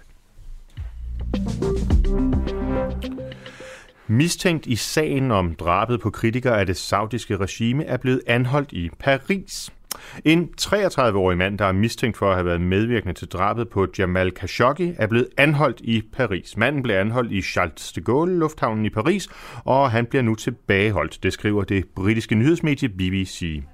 Jamal Khashoggi var en ivrig kritiker af det saudiarabiske styre, og han blev myrdet på Saudi-Arabiens konsulat i Istanbul i 2018. Det er en sag, der har vagt international opsigt og fordømmelse af især Saudi-Arabiens kronprins Mohammed bin Salman. Han benægter dog at have spillet en rolle i sagen. Det bliver vi klogere på nu, hvor øh, vi har en tilbageholdelse i Paris. Og så varsler Australien diplomatisk boykot af vinter-OL i Kina. I forgårs meddelte USA, at man ikke vil sende diplomatiske repræsentanter til vinter-OL i Beijing næste år. Og nu følger altså Australien trop med en linjebeslutning, fortæller landets premierminister Scott Morrison. Ifølge Morrison så har den kinesiske, kinesiske regering ikke gjort noget forsøg på at reagere på flere problemstillinger, som Australien har rejst. Blandt andet om påståede krænkelser på menneskerettigheder. Det australske flag vil dog stadig veje ved lejene i Kina, for boykottet gælder ikke for atleter, men kun diplomatiske repræsentanter. Og til en vejrudsigt. Jeg kan næsten ikke se, hvordan vejret er ud, er ud igennem vinduerne, fordi solen er sådan set ikke endnu stået op over i hvert fald denne del af København. Men jeg kan sige så meget, at øh, fra tidlig morgen, der trækker skyerne op fra sydvest, som både kan indeholde sne, regn og slud. Så hvis du befinder dig i Jylland, på Fyn eller på øerne omkring, så er det svært at vide sig sikker på vejret i dag. Det hele det kommer an på den lokale temperatur. Den vil nemlig svinge mellem 0 og 3 plusgrader, men vinden den tager til, og derfor kan dagen i dag virke noget koldere end dagen i går. Og vinden er også med til at lukke Storbæltsbroen for vindfølsomme køretøjer frem til i aften. Så pas på derude, tag de store, store snesko på og sørg for at få bundet kæderne rundt om dækkene på bilen, så vi ikke skrider i det måske lokalt dårlige vejr. Du lytter til Den Uafhængige denne onsdag morgen, hvor det er Morten Messersmith, som er gæstevært. Og vi har haft en forrygende diskussion for øh, den første time om øh, spørgsmålet om universiteterne og hvordan vi sikrer lødigheden, hvordan vi sikrer, at det ikke bliver politiske idiosynkrasier, men derimod saglighed og øh, akademisk eksercits, der bliver øh, domineret. Og en næsten tilsvarende diskussion har vi jo haft igennem et stykke tid efterhånden på det kulturelle område. Altså hele spørgsmålet om, hvad er egentlig kunst og kultur? Kan man ødelægge kunst og så kalde det for kunst, eller er det så bare ødelæggelse? Det skal vi have en diskussion om øh, nu, hvor vi øh, har fået gæster i øh, studiet. Hjertelig velkommen til Nikolaj Bø. Du er nyvalgt byrådsmedlem for det konservative Folkeparti på Frederiksberg. Genvalgt. Øh, genvalgt, genvalgt, nys genvalgt. Det var det, jeg mente. Naturligvis. Og så også hjertelig velkommen til Merete Arnfeldt Mollerup, der er for kvinde for Akademirådet. Velkommen til til jer, til jer begge to. Hvordan, øh, hvis jeg lige må starte hos dig, øh, Merete, du er for kvinde. Hvor længe har Akademirådet haft en for kvinde? Altså, hvornår opfandt I det begreb? Uh, altså, i hvert fald før mig, fordi min forgænger var også en forkvinde. Det var også en forkvinde. Ja. Men Akademi, Akademirådet går vel langt tilbage? Ja, øh, jeg er så dårlig til at huske tallet 267 år. Ja, noget af den stil. Jeg tænker, det har ikke altid været kvinder. Nej. Men det har det nu været øh, en stor del af 20. århundrede. Ja. Det er jo fantastisk. Jeg er personligt meget, meget glad for kvindelige formænd. Jeg vil sige, at mit eget parti har vi haft nærmest unisont positive erfaringer med det. Hvordan, øh, øh, Nikolaj Bø, har du det med, at en gammel hæderkronet institution som Akademirådet her begynder at omdøbe begreber Altså jeg går ud fra, at det hedder formænd, og der er jo mange kvinder, der også kalder sig for, altså blandt andet Pia Kærsgaard kalder sig formand for Folketinget. Hvad synes du om, at vi pludselig har at gøre med et begreb som en forkvinde? Det har jeg sådan set et afslappet forhold til. Altså hvis det betyder meget for de personer, som øh, beklæder posterne, så, så må de for min skyld gerne... Øh, jeg synes jo, det, det, det har en værdi, at man holder fast i de gamle titler, men øh, man skal jo heller ikke være forstenet. Tingene kan også godt udvikle sig. Jeg troede ellers, at du og dit parti øh, havde et slogan i retning af, at øh, man skal sige nej til alt nyt. Ikke alt nyt, men øh, man skal holde fast i, i rødder og traditioner. Det, det er meget, meget vigtigt. Er du, øh, er du enig eller, eller uenig øh, i det, Marete? Altså, skal man holde fast i traditioner, eller skal man bare udfordre for at udfordre? Altså, der er jo en, en meget kendt øh, konservativ øh, hvad hedder det, Baumou, som hedder Alt må forandres, for alt kan forblive det samme. Mm-hmm. Stammer fra Leoparden, en roman af en italiensk roman, som også er filmatiseret. Se ja. den, hvis ikke har set den. Ja, ja. At forandre for at bevare. Ja. Men er det det, som øh, der ligger i det, når I ændrer øh, begrebet fra formand altså, til forkvinde? Eller? Jeg har ikke, altså egentlig så, så synes vi jo, det er super skægt, når vi er i den rolle, jeg er, og, og siger, at vi er præsident. Fordi ja. det er vi jo. Vi er præsident for akademiet. Og så slipper man for den diskussion. Præcis, præcis. altså, og der er det danske sprog jo så, øh, ja, man kan sige, så ganske enkelt, at man kan jo ikke høre forskel. Altså, på fransk vil man sige, madame la président, eller man vil sige, monsieur le président, men på dansk, der er det hele. Måske er dansk bare et meget, meget politisk korrekt sprog at anvende. Nå, uanset hvad. Sidste år, der smed øh, en institutleder på det kongelige danske kunstakademi, Katrine Dirking Holmfeldt, en gips byste, ikke buste, af Frederik den 5. i havnen, og hun blev efterfølgende tiltalt for groft herværk og skal i retten inden for den nærmeste tid. Det har i kulturkredse fremkaldt en meget, meget stor diskussion, og netop derfor er det, at I er inviteret ind i, øh, i studiet øh, i dag. Og øh, lad mig bare starte med dig, øh, Merete Arnfeldt Mollerup. Er det kultur at ødelægge kultur? Åh, oh, det synes jeg er... Øh ikke et svært spørgsmål, det er et enkelt spørgsmål, fordi vi har haft en kunstdefinition siden 2. verdenskrig, som siger, at hvis kunstneren siger, det er kunst, så er det kunst. Uanset hvad man så måtte mene om mm. kvaliteten af den kunst. Så det er sådan set det, vi har sagt fra starten om den her ting. Og vi har også haft danske kunstnere, der har taget øh, sådan øh, biedermeiermalerier og malet hen over det, og så har man kaldt det for ny kunst, og så har det været en replik til den gamle kunst osv. Ser du det i samme boldgade, når man kaster en gipsbyste af Frederik den 5. i havnen? Altså, jeg, jeg synes... Øh, jeg synes, det er, det er vigtigt at ligesom få markeret der, hvor vi helt sikkert er enige rundt om det her bord. Mm-hmm. Og det er, øh, nu nævnte du, at øh, Katrine Dirken Holmfeldt er, eller var institutleder. Øh, jeg tror, alle i Danmark, minus 1%, synes, at det er fuldstændig vanvittigt, at en underviser opfordre sine studerende til at begå herværk. Altså, så langt, så godt. Så ja. du har ikke noget imod med, at hun nu bliver øh, tiltalt og retsforfulgt for det, der er sket? Jamen, det, sådan er jo systemet i Danmark. Jo, men er du enig i det? Ja, det er jeg. Ja. Det er du. Det er jeg, du. jeg er leder af en institution, en statsinstitution i Danmark. Det ville være super mærkeligt, hvis jeg ikke var enig. Jo, men i den her debat, der sker der jo mange mærkelige ting. Nikolaj Bø, genvalgt, nys genvalgt konservativ byrådsmedlem på, på Frederiksberg, der er jo faldt for socialismen for første gang i 100 år. Elas, elas. Ja. Hvordan, øh, hvordan har du oplevet den her debat? Du har jo været ganske engageret i den på øh, også konkurrerende øh, øh, radiokanaler. Har du været i, i debat og forsvaret et konservativt synspunkt. Hvordan har du oplevet den her debat? Jamen altså, det er, det er jo på mange måder en interessant debat, fordi der er jo mange lag i den. Altså det handler jo ikke bare om det her med, om man må øh, tage ældre kunst og øh, rematerialisere det, eller, eller ødelægge det, eller hvad man nu foretrækker at kalde det. Det handler jo også om, øh, altså hvad skal kunstakademiet være for en institution? Hvad er det for en undervisning, der skal foregå der? Og hvordan, hvordan, hvad er det netop det der, nu talte før om det der med, med rødder og traditioner. Altså kunstakademiet bygger jo på en, en meget gammel tradition helt tilbage fra 1754, hvor akademiet blev stiftet af, af kong Frederik den 5.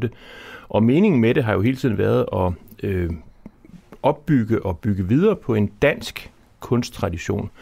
Og spørgsmålet er, om, om det her forløb det på nogen måde bidrager positivt til det. Jeg synes jo snarere, at, øh, at det er med til at, at ødelægge, eller i hvert fald skabe disrespekt for, øh, for den danske kunsttradition og for øh, den danske historie på, på kunstområdet. Så, og, og, så det, det er klart, at det, som Mariette siger, er fuldstændig rigtigt, at det er jo, det er jo vanvittigt, at en institutleder på en, en uddannelsesinstitution ødelægger statens ejendom og, og ødelægger et, en, et, et udtryk for, for fin ældre kunst. Men mm. der er jo mm. også mange andre ting i det, som også hænger sammen med hele den her identitetspolitiske bølge, som har skyllet hen over verden, og hvor det her det er måske det mest sådan spektakulære eksempel, vi har haft på de her breddegrader. Men kunne man så ikke også indvende, at det her, du kalder det vanvid, øhm, at det har i virkeligheden bare givet anledning til en, øh, en, en genkomst af konservative synspunkter, så du og dit parti og hele den konservative bevægelse i virkeligheden skal være utroligt glad for, at det vanvid indtræf, fordi det har givet anledning til at lovprise noget, som jo egentlig ikke er sådan, hvad kan man sige, et banebrydende øh, kunstværk, altså en gips byste. Altså det var en replika af en eller anden rigtig byste. At lige pludselig så er den blevet sådan kronjuvelen i den danske kulturarv.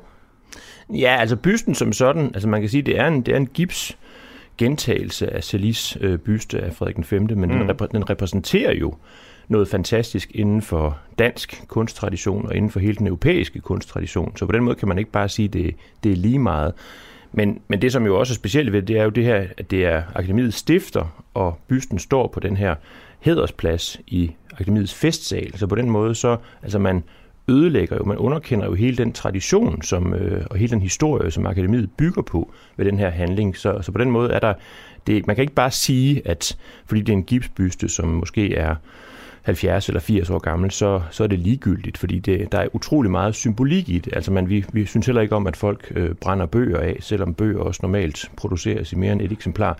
Øh, men, men, det, men, men for at vende tilbage til dit spørgsmål, det her med, er det, er det i virkeligheden en, en god ting? Altså det er jo en god ting på den måde, at vi har fået indblik i et miljø, som ellers har været meget, meget lukket, altså som ligesom har befundet sig i, altså dannet sit eget ekokammer, hvor meget af det, som vi egentlig troede, foregik på kunstakademiet, eller som jeg troede måske naivt, at det handlede om at lære at male og lave skulptur osv. osv. Det handler om ganske meget andet, som i høj grad er et spørgsmål om at politisere kunsten, og på en måde, som egentlig gør, at kunsten bliver ret uinteressant, fordi det mest handler om altså at, at udtrykke aktivistiske holdninger og ikke rigtig producere noget, som interesserer mange andre mennesker. Men har kunst ikke altid været politisk? Altså, da Mozart skrev Figaro's Bryllup, var det et oprør mod adelens pri- pri- privilegier. Øh, da Beethoven skrev sin tredje symfoni, der var, rev han øh, frontsiden af, da Napoleon havde gjort sig til til, øh, til kejser. Altså, har, har kunst ikke altid haft politiske konnotationer? Jo, det har den, men, men sagen er jo i den her situation, og det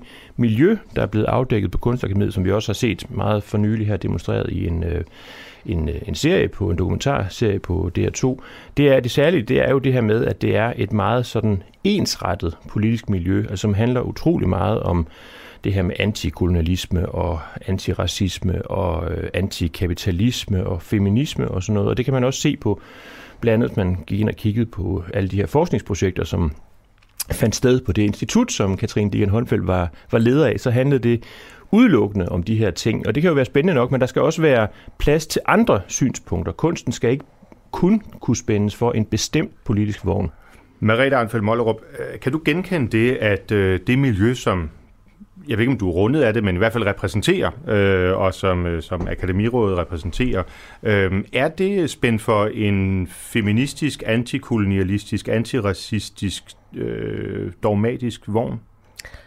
Øhm, nej, det er det korte svar. Øh, men, men der er også en masse paradoxer i det her, øh, og, øh, og, og det ene er, hvad man forestiller sig, der skal forestå på et øh, kunstakademi. Fordi jeg tænker på, da jeg gik på akademiet, det er jo utrolig lang tid siden, der, men dog ikke Frederik den 5. tid, nej, altså det er inden for mands men, men bare for at sige, det er utrolig lang tid siden, så var en af, af vores helte, det var Lars Vilks. Ja. Vi var på tur til kulden i en uendelighed, for at se, hvordan det gik med Nimis, øh, hans hovedværk, øh, som heldigvis nu bliver bevaret.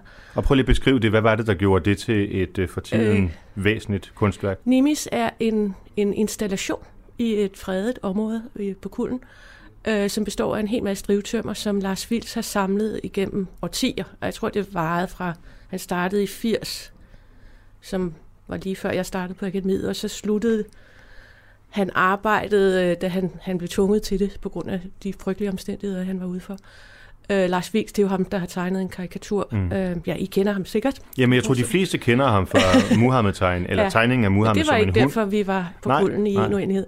Det er på grund af det her kæmpe store hovedværk, som... Øh, at det, man klatrer rundt i det. Det er meget, meget mærkeligt og smukt. Øh, og øh, en del af det værk er, at han lå i strid med øh, Høgernes Kommune øh, og den svenske øh, stat og deres øh, naturforvaltning indtil 2004. Og en del af værket... Så 40 år, eller øh, sådan noget, 30 ah, år? Ja, 30, ikke? Ja. Øhm, og striden om, altså fordi det er et fredet område, striden om det værk er en del af værket. Mm-hmm. Øh, og der kan man jo så sige, hvis mine professorer, da jeg var ung studerende i 80'erne, synes, at vi skulle følge det her værk og se det, så, så må det være en ret lang tradition efterhånden, at, øh, at interagere med det politiske, med samfundet. Men det, jeg spurgte om før, det var jo, om, øh, om kunsten i Danmark er spændt for en særlig øh, dogmatisme, som man godt kan opsummere som Vogue, ekstremt venstreorienteret, identitetspolitisk og sådan nogle ting. Og Lars Vils på det tidspunkt, hvor han så udfordrede fredningsbestemmelser og den slags ting, det føder vel i den samme logik, at man bare skal sætte sig op imod staten, og man skal ikke følge regler osv. Så, videre. så det bekræfter vel bare antagelsen om, at kunsten er socialistisk? Nej, men det bekræfter en antagelse om, at der er en stor del af kunsten, som, øh, som ser det som sin øh, hovedopgave at udfordre vores normer og vaner. Mm. Og det er, det er faktisk sådan, at, at en rigtig, rigtig stor del af befolkningen tror, at det er sådan, kunst skal være. Der er nogen, der siger, det er jo kun kunst, hvis det er udfordrende, hvis det er grænseoverskridende. Det, det er ikke noget, akademiet eller jeg har en holdning på. til. Nej. Men, men, øh, men det er en meget, meget udbredt holdning på tværs af partier. Men altså, hvordan kan det så være, at I ikke skaber nogle kunstnere, der øh, udfordrer den mest dominerende tendens i tiden, nemlig vokisme, socialisme osv. Altså, Jamen, hvor, hvorfor ser man ikke nogen gøre grin med alle de der, øh, alle de der typer? Det gør man da også, øh, og, og det, det er så en, en del af, af problemstillingen, det er, at, at der er helt klart en gruppe øh, på billedkunstskolerne, som er optaget af det der, men der er en lige så stor gruppe, eller en større gruppe, som ikke er optaget af det. Mm-hmm. Altså, det er jo en, en medieting, øh, hvordan især måske Weekendavisen, men også Berlingeren har præsenteret det, øh, hvor man tager en lille gruppe og gør dem til de dominerende. Det, det er simpelthen ikke rigtigt. Øh, altså, vi er jo ikke, øh, Akademirådet er ikke en del af billedkunstskolerne. Vi er forskellige, men vi deler jo gange. og, og, og vi møder jo de forskellige på gangene, og, og der er forskellige øh, grupper og grupperinger. Og så er der en anden ting, som jeg synes virkelig mangler i mediedækning, og det er, at dem, de studerende, der har været involveret i det her, det er meget, meget unge studerende. Mm. Og det vil sige, de er måske også på et tidspunkt i deres liv, hvor de stadig abonnerer på den her overskridelsesideologi. Mm. De er ikke begyndt at tænke selvstændigt endnu? Øh, nej, fordi de er pure unge jo. Ja, altså, ja. Øh, så det... lad, lad, os, lad os tage den over til konservatismens højborg her. altså, øh, Nikolaj Bøg, jeg tror, det er helt tilbage fra Sokrates, at man har brokket sig over ungdommens forfald. øhm, det er altså ikke. Og, og, men, kan du, men kan du genkende øh, billedet af, at der, at der også er øh, røster i, øh, inden for kunstverdenen, som går op imod vokismen og cancel culture og så videre? Jamen, det kan jeg godt. Altså, det er jo ikke noget øh, fuldkommen unison billede. Det er, det er jeg fuldstændig med på. Men, men jeg synes, at de ting, som er kommet frem øh, på igennem den her diskussion om kunstakademiet, det, det, det peger på, at der er nogle bekymrende tendenser, og det var jo også derfor, at den tidligere kulturminister valgte at, at afskede i akademiets rektor. Det var jo fordi, at hun på en eller anden måde havde svært ved at, at navigere i, i det øh, univers der. Og det, altså, nu, nu taler Marit om det her med den mediedækning, der har været, men den har jo i hvert fald peget ret meget på, at der var en meget ensrettet øh, kultur på Kunstakademiet, hvor mm. der var sådan opstået sådan en, øh, en, en, en tendens til, at man sådan kunne anmelde hinanden for forskellige former for krænkelser, og øh, professorer blev, blev hjemsendt øh, under beskyldning for at være øh, antifeminister osv. osv.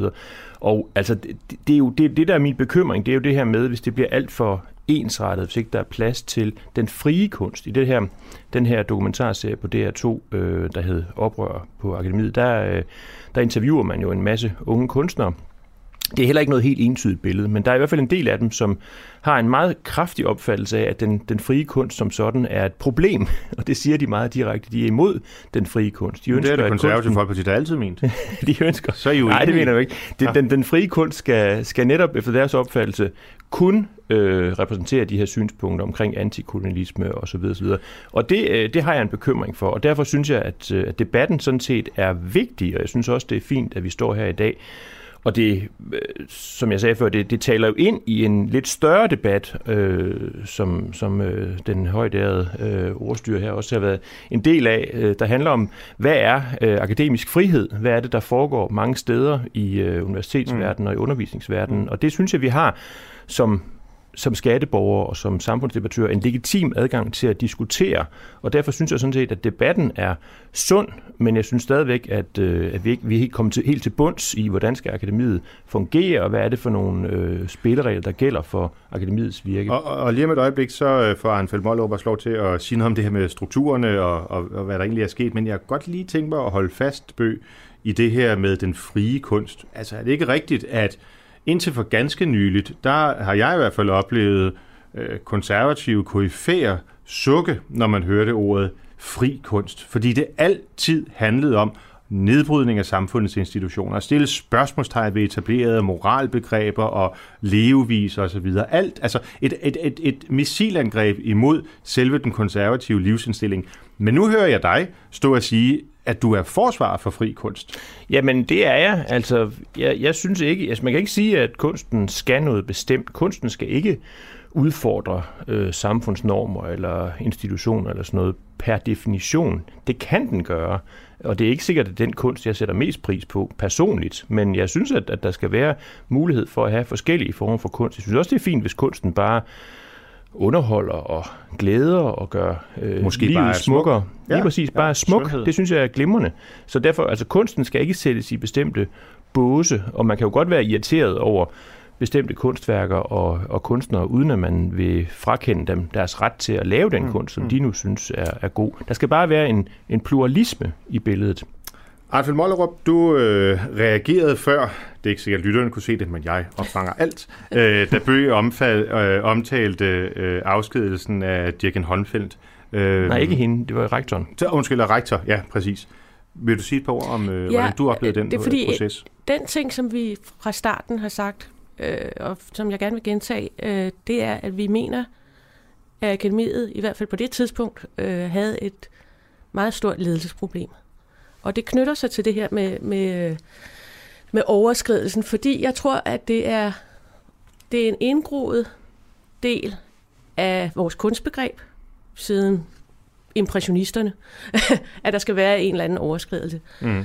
Vi har defineret en, en kunstnerrolle, hvor kunstneren er en overskridende person hele tiden. Vi har defineret? Samfundet. Samfundet, ja. Altså, og ikke bare det danske. Mm. Øh, vi, vi kan godt lide at forestille os den her kunstner, der, drikker lidt vin og er lidt på sindssygehospital. En boheme og, ja, ikke? Ja, ja. Øh, og det er klart, at, at en ledelse af et kunstakademi skal være i stand til at håndtere den situation. Og det er faktisk fuldstændig uanset, om det er en mand, der krænker kvindelige studerende, eller det er en kvinde, der hælder byster i havnen. Mm-hmm. Altså, øh, det, en ledelse skal, på et kunstakademi skal kunne gå ind og diskutere med medarbejderne, hvor går grænsen. Men så er det måske meget godt at have fået en bestyrelse, som også stiver lederen i dag. Der er jo ikke en bestyrelse endnu, men det men kommer muligvis er i hvert fald lagt. Ja, ja. Øh, ja. Men det er en god idé, eller? Øh, altså, det er, jo, det er jo en stor belastning på en meget lille institution, men, men jeg hører, at rektor er egentlig glad for Hvor, det. Hvordan er det en belastning? Jamen, altså det, at rektor banalt. har nogen at tale med? Øhm, helt banalt er det jo bare en... Øh, den er så lille, den institution, at den udgifter jeg til at køre en bestyrelse er stor. Altså, helt banalt. der er ikke noget mere indvidet. Så du tænker økonomi? Ja, jeg tænker økonomi. At... Men er, kan man så ikke indvende, at Kunstakademiet er så væsentlig øh, en, en, en institution, at der skal de håndører jo ikke afgøre det, hvis det er det, der skal til for at holde akademiet Jamen, på en kunstnerisk linje? Det kan nemlig linje? sagtens være. Altså det kommer meget mere an på, hvem der sidder i, i den bestyrelse, mm. om de har forstand på kunst, øh, hvad de øh, hvordan de understøtter rektors arbejde. Det, det synes jeg er en svær diskussion, og jeg, vi har diskuteret det i rådet. Vi synes, at øh, nu er den der. Øh, bestyrelsen, øh, vi vil gerne hjælpe med at udpege en. det vil jeg gerne. Jamen, det budskab, det skal jeg tage videre til den nye kulturminister. Øh, Nikolaj Bø, hvis nu det var dig, der var kulturminister, Øh, det er jo ikke en fuldstændig fjern tanke. Altså det konservative Folkeparti har jo siddet på kulturministerposten op igennem øh, nullerne og øh, centrale del af tierne, øh, har, har store personligheder øh, haft siden i Kulturministeriet. Jeg nævner øh, Per Stig Møller eksempelvis, men også, øh, også andre, øh, øh Mikkelsen, Brian Mikkelsen tidligere osv. Hvis nu det var dig, der en dag kom til at sidde der og blev præsenteret for de udfordringer, som, øh, ja, som vi kan diskutere om er der, men som i hvert fald du øh, og formodentlig også undertegnet mener er der. Hvad, hvad vil du gøre for at, øh, at få hele akademiet, hele den danske kunstverden tilbage på, på, på ret konservativ køl? Ja, altså, det, jeg, det jeg ville gøre, det var jo at tage en, en dialog med, med rektor, med den nye bestyrelse omkring det her med den akademiske frihed. Altså vi skal sikre, at der er plads til alle stemmer. Altså der har jo været den der diskussion i Folketinget også for nylig om det her med Chicago-principperne, som ja. er sådan et sæt øh, principper for øh, akademisk frihed, og man ikke må ligesom kunne gøre krav på, at man er krænket, og så skal andre, øh, kan man lukke munden på mm-hmm. andre osv. osv. Det synes jeg egentlig, at det er nogle sunde og gode principper. De behøver ikke lige være udtrykt på den måde, men selve tankegangen om, at der skal være plads til alle synspunkter på en Det lyder ikke hardcore konservativt, at du starter med at sige dialog. Øh, nej, jeg tænker men sådan det, lidt... Øh... Ja, nej, men det ved jeg ikke. Altså det, jeg synes, at øh, det er vigtigt, at vi får en, en garanti for, at mm. kunstakademiet øh, fortsat er med til at udvikle og styrke en dansk kunsttradition, som er interessant for, for samfundet, og som bidrager på en eller anden måde til udvikling af, af, af vores allesammens ja, ja. Øh, liv og, og, og virke osv. Så, så, så den, den dialog øh, vil jeg tage med bestyrelsen. Jeg synes sådan set, at bestyrelsen kan være en rigtig god idé, fordi netop bidrager til, at offentligheden får et, et større indblik i, hvad, hvad der foregår på akademiet. Anfald Mollerup, en, en sidste lille replik. Ja, det er kun fordi, du har sagt dansk et par gange, Nikolaj, og, og så tænker jeg på Salis, som var akademiets første direktør. Han var tydeligvis fransk, han tog også hjem til Frankrig. Og, og en væsentlig del af enhver uddannelsesinstitution, og det er ikke bare kunstakademiet, det er vel, at man øh, fortolker og inddrager viden fra hele verden. Det er rigtigt, men at være, at være dansk, det er jo mange ting, og der er jo også inspiration fra udlandet og så videre, det, det er klart. Men, altså, men det er jo, der er en grund til, at vi har dansk kunstakademi, det er for at lave kunst til det danske samfund først og fremmest. Og diskussionen om, hvad danskhed er, hvad dansk kunst er, og øh, hvad det skal være, den tager vi en, øh, en anden gang, men i hvert fald herfra skal der lyde en meget, meget stor tak til Nikolaj By, byrådsmedlem for det konservative folkeparti på Frederiksberg, og Merete Arnfeldt Mollerup for Kvinde for Akademirådet. Tusind tak, fordi I vil være med den her morgen til at gøre os klogere på, øh, på debatten om kunst og ledelse og hvad der sker, hvad der er strømninger på akademiet. Tak for det. Tak. Til tak. Du lytter til den uafhængige denne onsdag morgen den 8. december, og øh, vi har netop takket øh, vores gæster ud af øh, studiet her, og kan i samme åndedrag, åndedrag byde velkommen til den næste, som er pastor Farian øh, fra kirken for det flyvende spaghetti-monster. Øh, pastor, er du med os derude? Ja, godmorgen Morten. God morgen, og tak fordi du vil, øh, du vil være med her.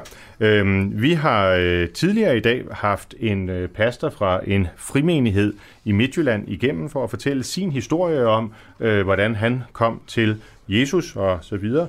Du er pastor for noget, jeg tror, øh, de fleste vil betragte lidt med et skævt smil. Så prøv lige at føre os ind i, hvad handler det her spaghetti-historie om?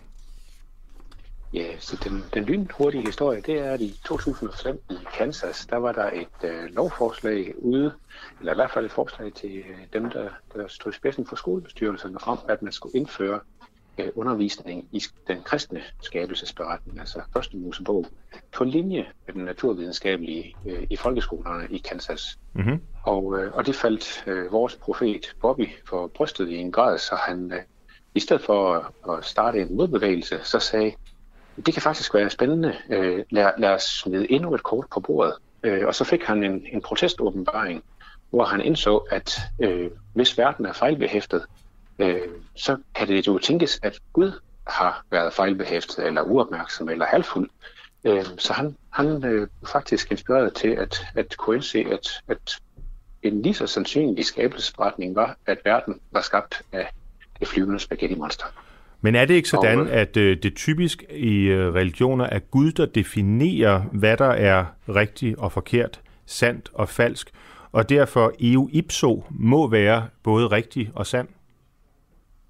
Og det er et rigtig spændende teologisk spørgsmål, om, om det Gud påstår bliver sandt ud fra det, eller Gud ved, hvad der er sandt, og derfor siger det, som øh, vi bør rette os efter.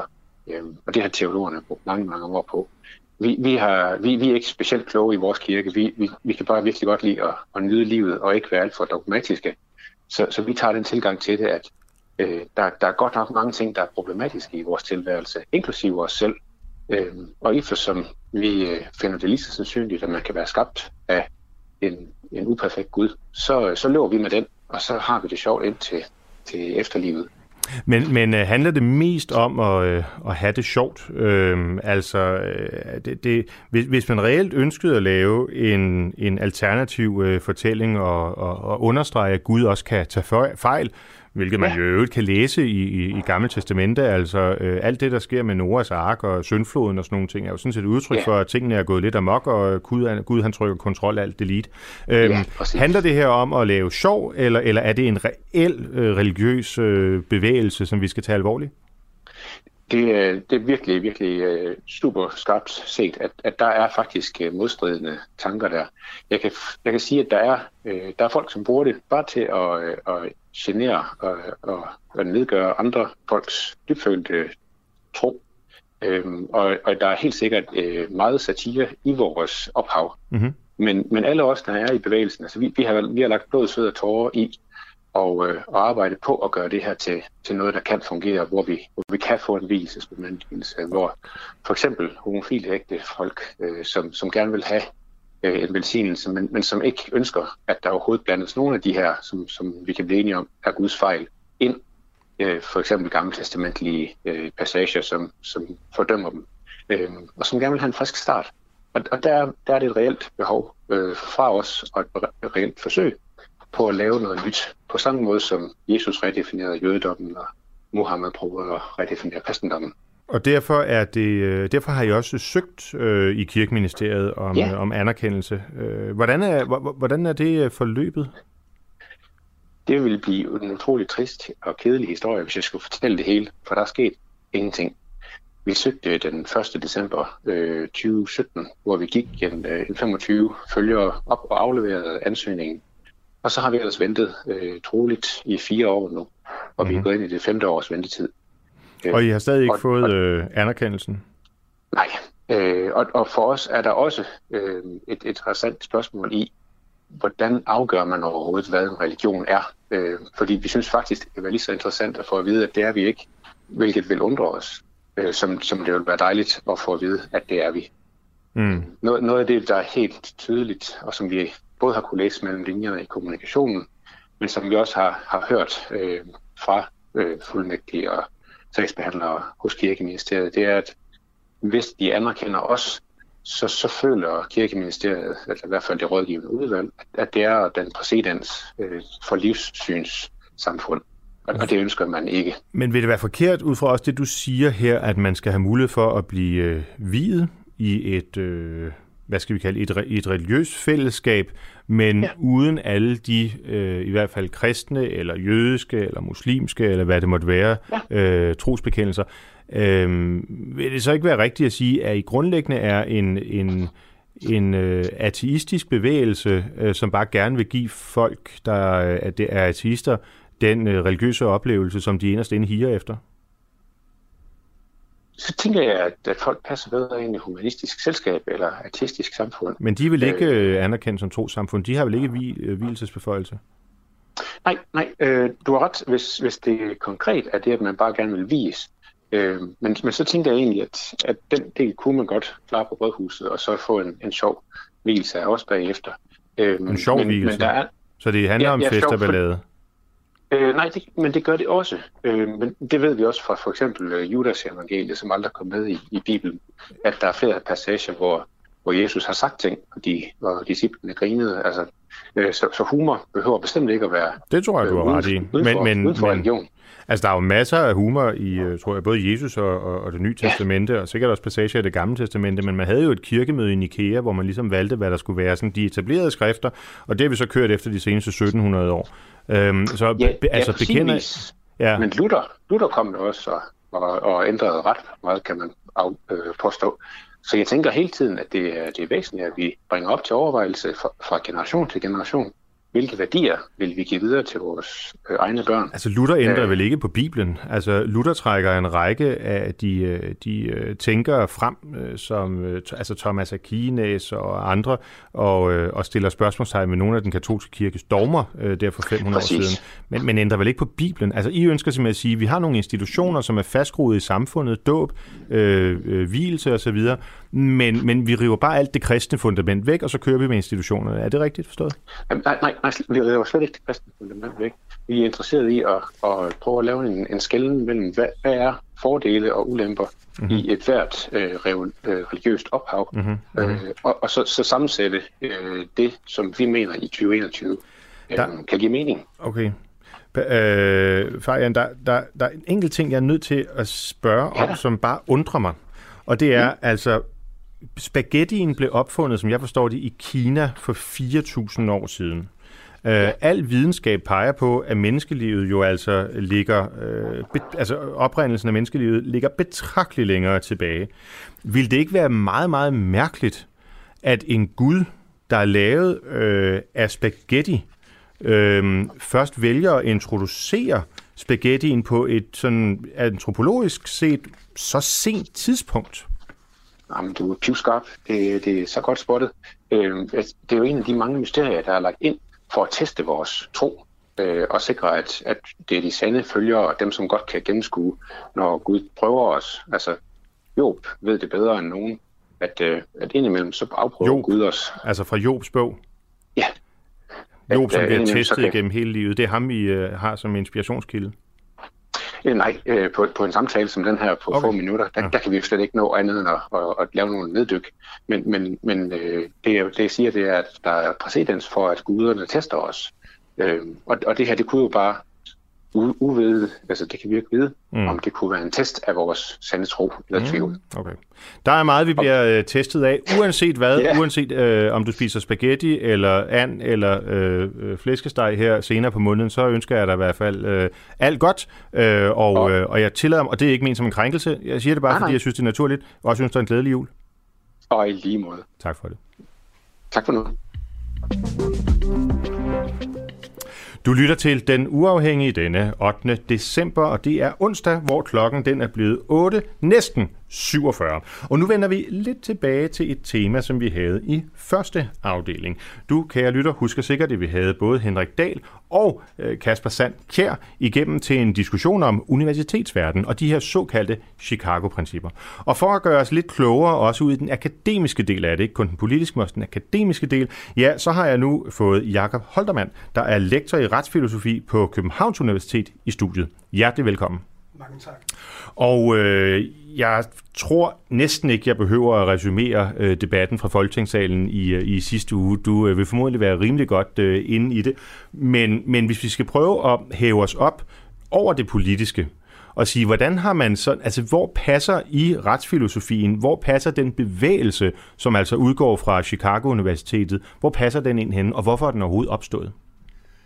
Jamen, øh, jeg ved ikke, om den nødvendigvis passer sådan ind i en specifik retsfilosofisk øh, bevægelse. Den passer ind i en øh, generel øh, diskussion om universitetets rolle og om fundamentale frihedsrettigheder, akademiske frihedsrettigheder og i særdeleshed ytringsfri, øh, undskyld, forskningsfrihed mm-hmm. og mhm. undervisningsfrihed. Mm-hmm.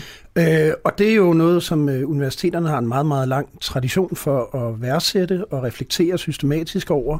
Men det er også øh, et spørgsmål, der er i kontinuerlig bevægelse, og som øh, Øh, i øh, tiden her, øh, inden for de sidste 10 øh, år, afhængig af, hvad, hvad land man lige kigger på, øh, stiller nogle nye øh, udfordringer til øh, universitetsfællesskabet, øh, øh, øh befolkningen på universiteterne øh, og samfundet så dermed også. Og hvad er det, altså, der er sket, øh, de sen, hvis vi siger den seneste generation, som har ligesom skabt en ny atmosfære eller nogle nye udfordringer? Jamen altså, en, en, en øh, stor del af udfordringerne er sådan set øh, relativt traditionelle. Det er udfordringer vedrørende for eksempel politisk indblanding i, øh, i øh, universitetets frie virke og den frie forskning.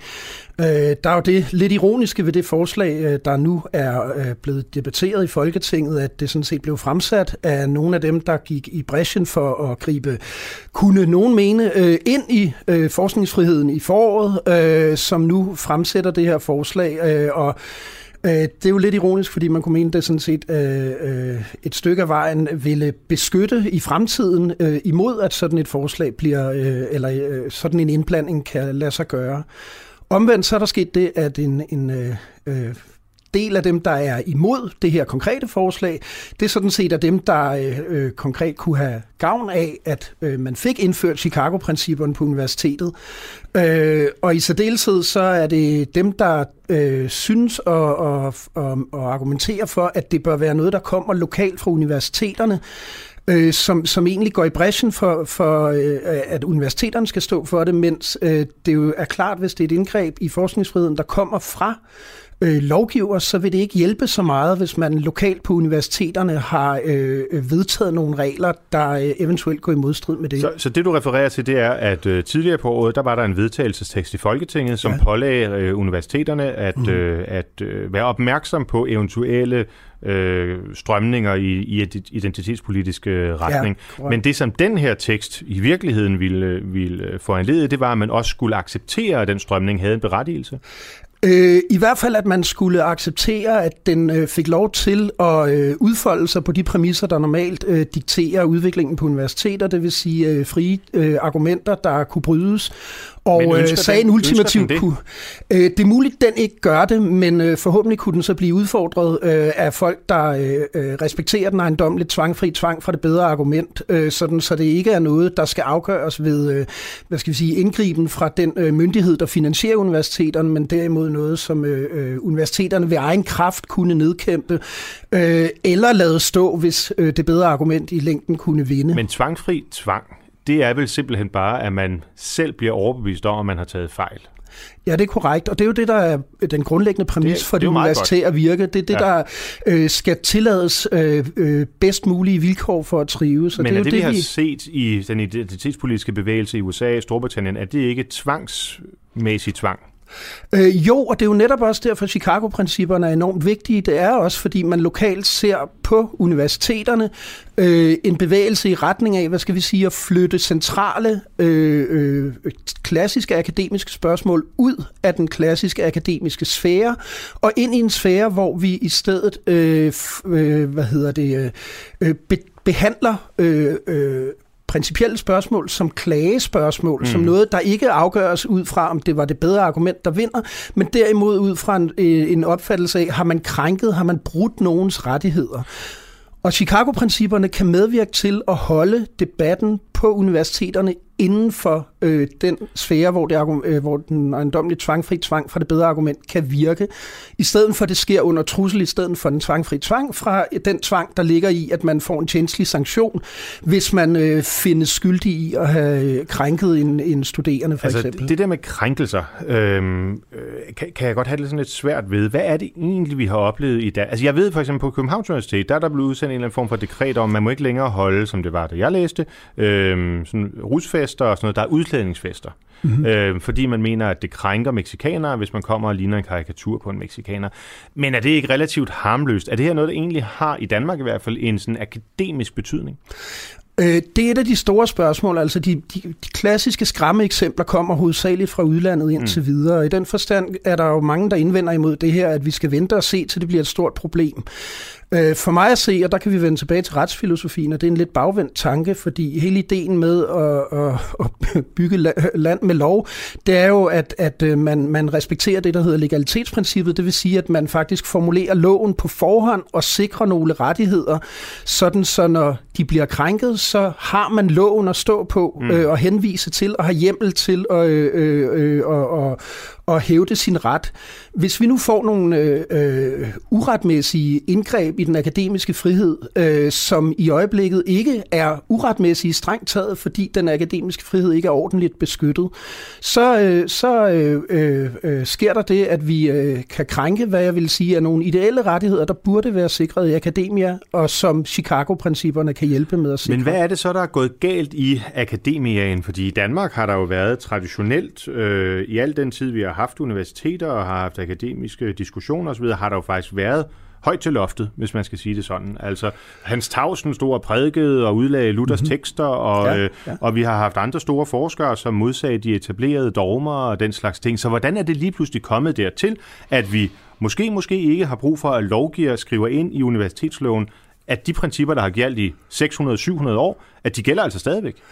Jamen det er jo også det, der er, er meget interessant ved den aktuelle udvikling, og vender tilbage til også dit første spørgsmål. Det er jo øh, delvis, at en ny, hvad skal vi sige, trussel mod den akademiske frihed er opstået fra overvejende øh, studerende, men delvis også øh, kolleger, øh, hvor man, øh, det der populært kaldes en form for krænkelsesparathed, at man sådan set anser det, der tidligere er blevet anset for, for fuldstændig, øh, hvad skal vi sige, øh, klassiske akademiske emner, som skal kunne gøres til genstand for åben diskussion, anser det for noget, der i en eller anden forstand grundlæggende ikke er acceptabel overhovedet at overveje, og derfor ikke skal mødes med modargumenter, men med klager øh, og, og trussel om, om en eller anden form for tjenestelig sanktion over for den, der har afsagt det. Og det er den nye øh, bevægelse, og det, der kan gøre Chicago-principperne øh, øh, øh enormt vigtige at få installeret, det er, øh, at vi overhovedet ikke har noget beredskab for at håndtere den udfordring. Vi har ikke set, øh, vi, vi har ikke konkret i universitetsloven, der står eksplicit en beskyttelse af forskningsfriheden, mm-hmm. men vi har ikke undervisningsfriheden nævnt. Undervisningsfrihed er noget, vi aldrig, vi altid er tilbøjelige til at glemme. Den frihed, som undervisere skal nyde godt af, når de står i undervisningslokalet, der gør, at de har ret til, øh, vi respekterer, at de har et fagligt skøn, hvor de kan vælge ud, hvad der er relevant at diskutere. Og pludselig står de over for en trussel om, at øh, der er bestemte emner, de har bragt op, som man faktisk ikke må diskutere, og som krænker øh, de studerende. Du, øh, Jakob Holtermann, du underviser i øh, retsfilosofi på Københavns Universitet. Et fag, jeg faktisk kan huske for ufattelig mange år ja, siden. Jeg selv har været, i, øh, har været igennem. men, øh, men er det rigtigt forstået, at der øh, på de juridiske fakulteter altså er til at opstå sådan elevbevægelser, eller studerendebevægelser, eller hvad sådan noget, studenterbevægelser, imod at man kan undervises øh, i Øh, bestemte dele af, af stoffet, altså at de eleverne, eleverne sådan ligesom har en, en påvirkning på læreren? Altså, øh, jeg vil sige, at vi, vi øh, har været forskånet for sådan et, et meget usagligt pres. Øh, heldigvis så, så er, har vi en fornuftig dialog med, med, med langt størstedelen af de studerende. Men jeg oplever i stigende grad et, et krav om, hvad skal vi sige, ikke indholdsbestemt øh, øh, diversitet i forbindelse med pensum for eksempel. Flere og flere studerende i evalueringerne kræver, at der skal være øh, større repræsentation af minoriteter, eller ja, for eksempel flere kvinder. Det kan være højorienterede øh, forfattere, som mig, stærkt højorienterede ja. forfattere.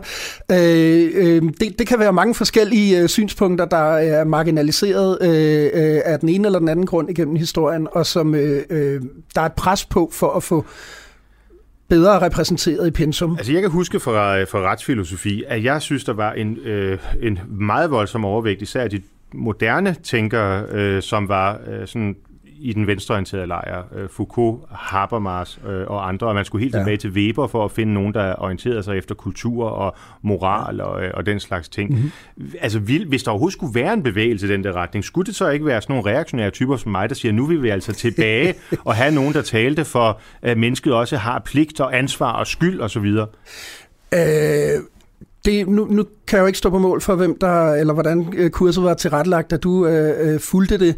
Men øh, jeg tror nok, at, at øh, der vil være lige så mange på den anden politiske fløj, der mener sig forfordelt i den aktuelle mm. tilrettelæggelse af pensum. Så øh, det, må, det slagsmål må I tage indbyrdes, eller angribe mig fra, fra hver sin side, øh, når jeg tilrettelægger pensum.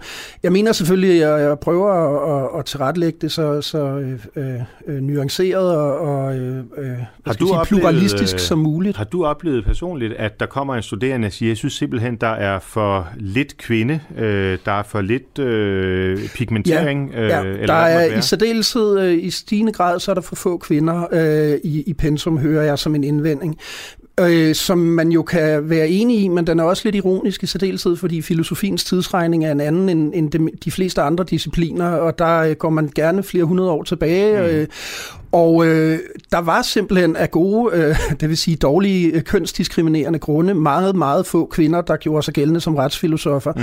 Og derfor findes der simpelthen ikke øh, tilbage i historien øh, øh, relevante kvindelige stemmer. Øh, men i nyere diskussion er der helt klart, og, og der kan det være relevant at se på det, øh, det må bare aldrig blive kriteriet, at det skal være repræsentativt. Øh, det må være det indholdsmæssige, der er det afgørende. Det er øh, jagten efter den tvangsfri tvang, altså en form for sandhed, der er det afgørende. De interessante argumenter, øh, dem der netop gør os ja. klogere og medvirker til at bevæge os kollektivt frem. Hvordan tror du, det her det ender i Danmark? Det er selvfølgelig svært at spå om, men øh, det er dig, der trods alt står midt i kampen. Øh, jeg er mere sådan en observatør. Altså, bliver Danmark mere og mere, som vi har set det i Storbritannien og, og USA, eller er der en så bred politisk forbrødring om, at det vil vi ikke have, at det også har direkte indflydelse på universiteterne? Øh, det er interessant, som, som politisk øh, bevægelse i øjeblikket, så virker den øh, standhaftig og modstandsdygtig over for de her tendenser. Mm. Øh, I akademia, øh, inden for murene, ikke så meget på det juridiske fakultet, men også på humaniora og resten af, af, af universitetet, der vil jeg sige, at bevægelsen klart, at tendensen går i retning af det, vi ser i USA og Storbritannien. Interessant. Og Sverige. Interessant. Det bliver det sidste ord fra øh, Den Uafhængige denne morgen. Tusind tak til dig, øh, Jakob Holtermann, for at du vil komme her i øh, studiet. Og tak til øh, jer, der øh, lyttede med. Og ikke mindst tak til de gæve folk, der har kæmpet ude i teknikken. Mit navn er Morten Messersmith. Det var et privilegium at være jeres vært. Du lytter lige nu til En Uafhængig Morgen. Kritisk, nysgerrig og levende radio, som politikerne ikke kan lukke.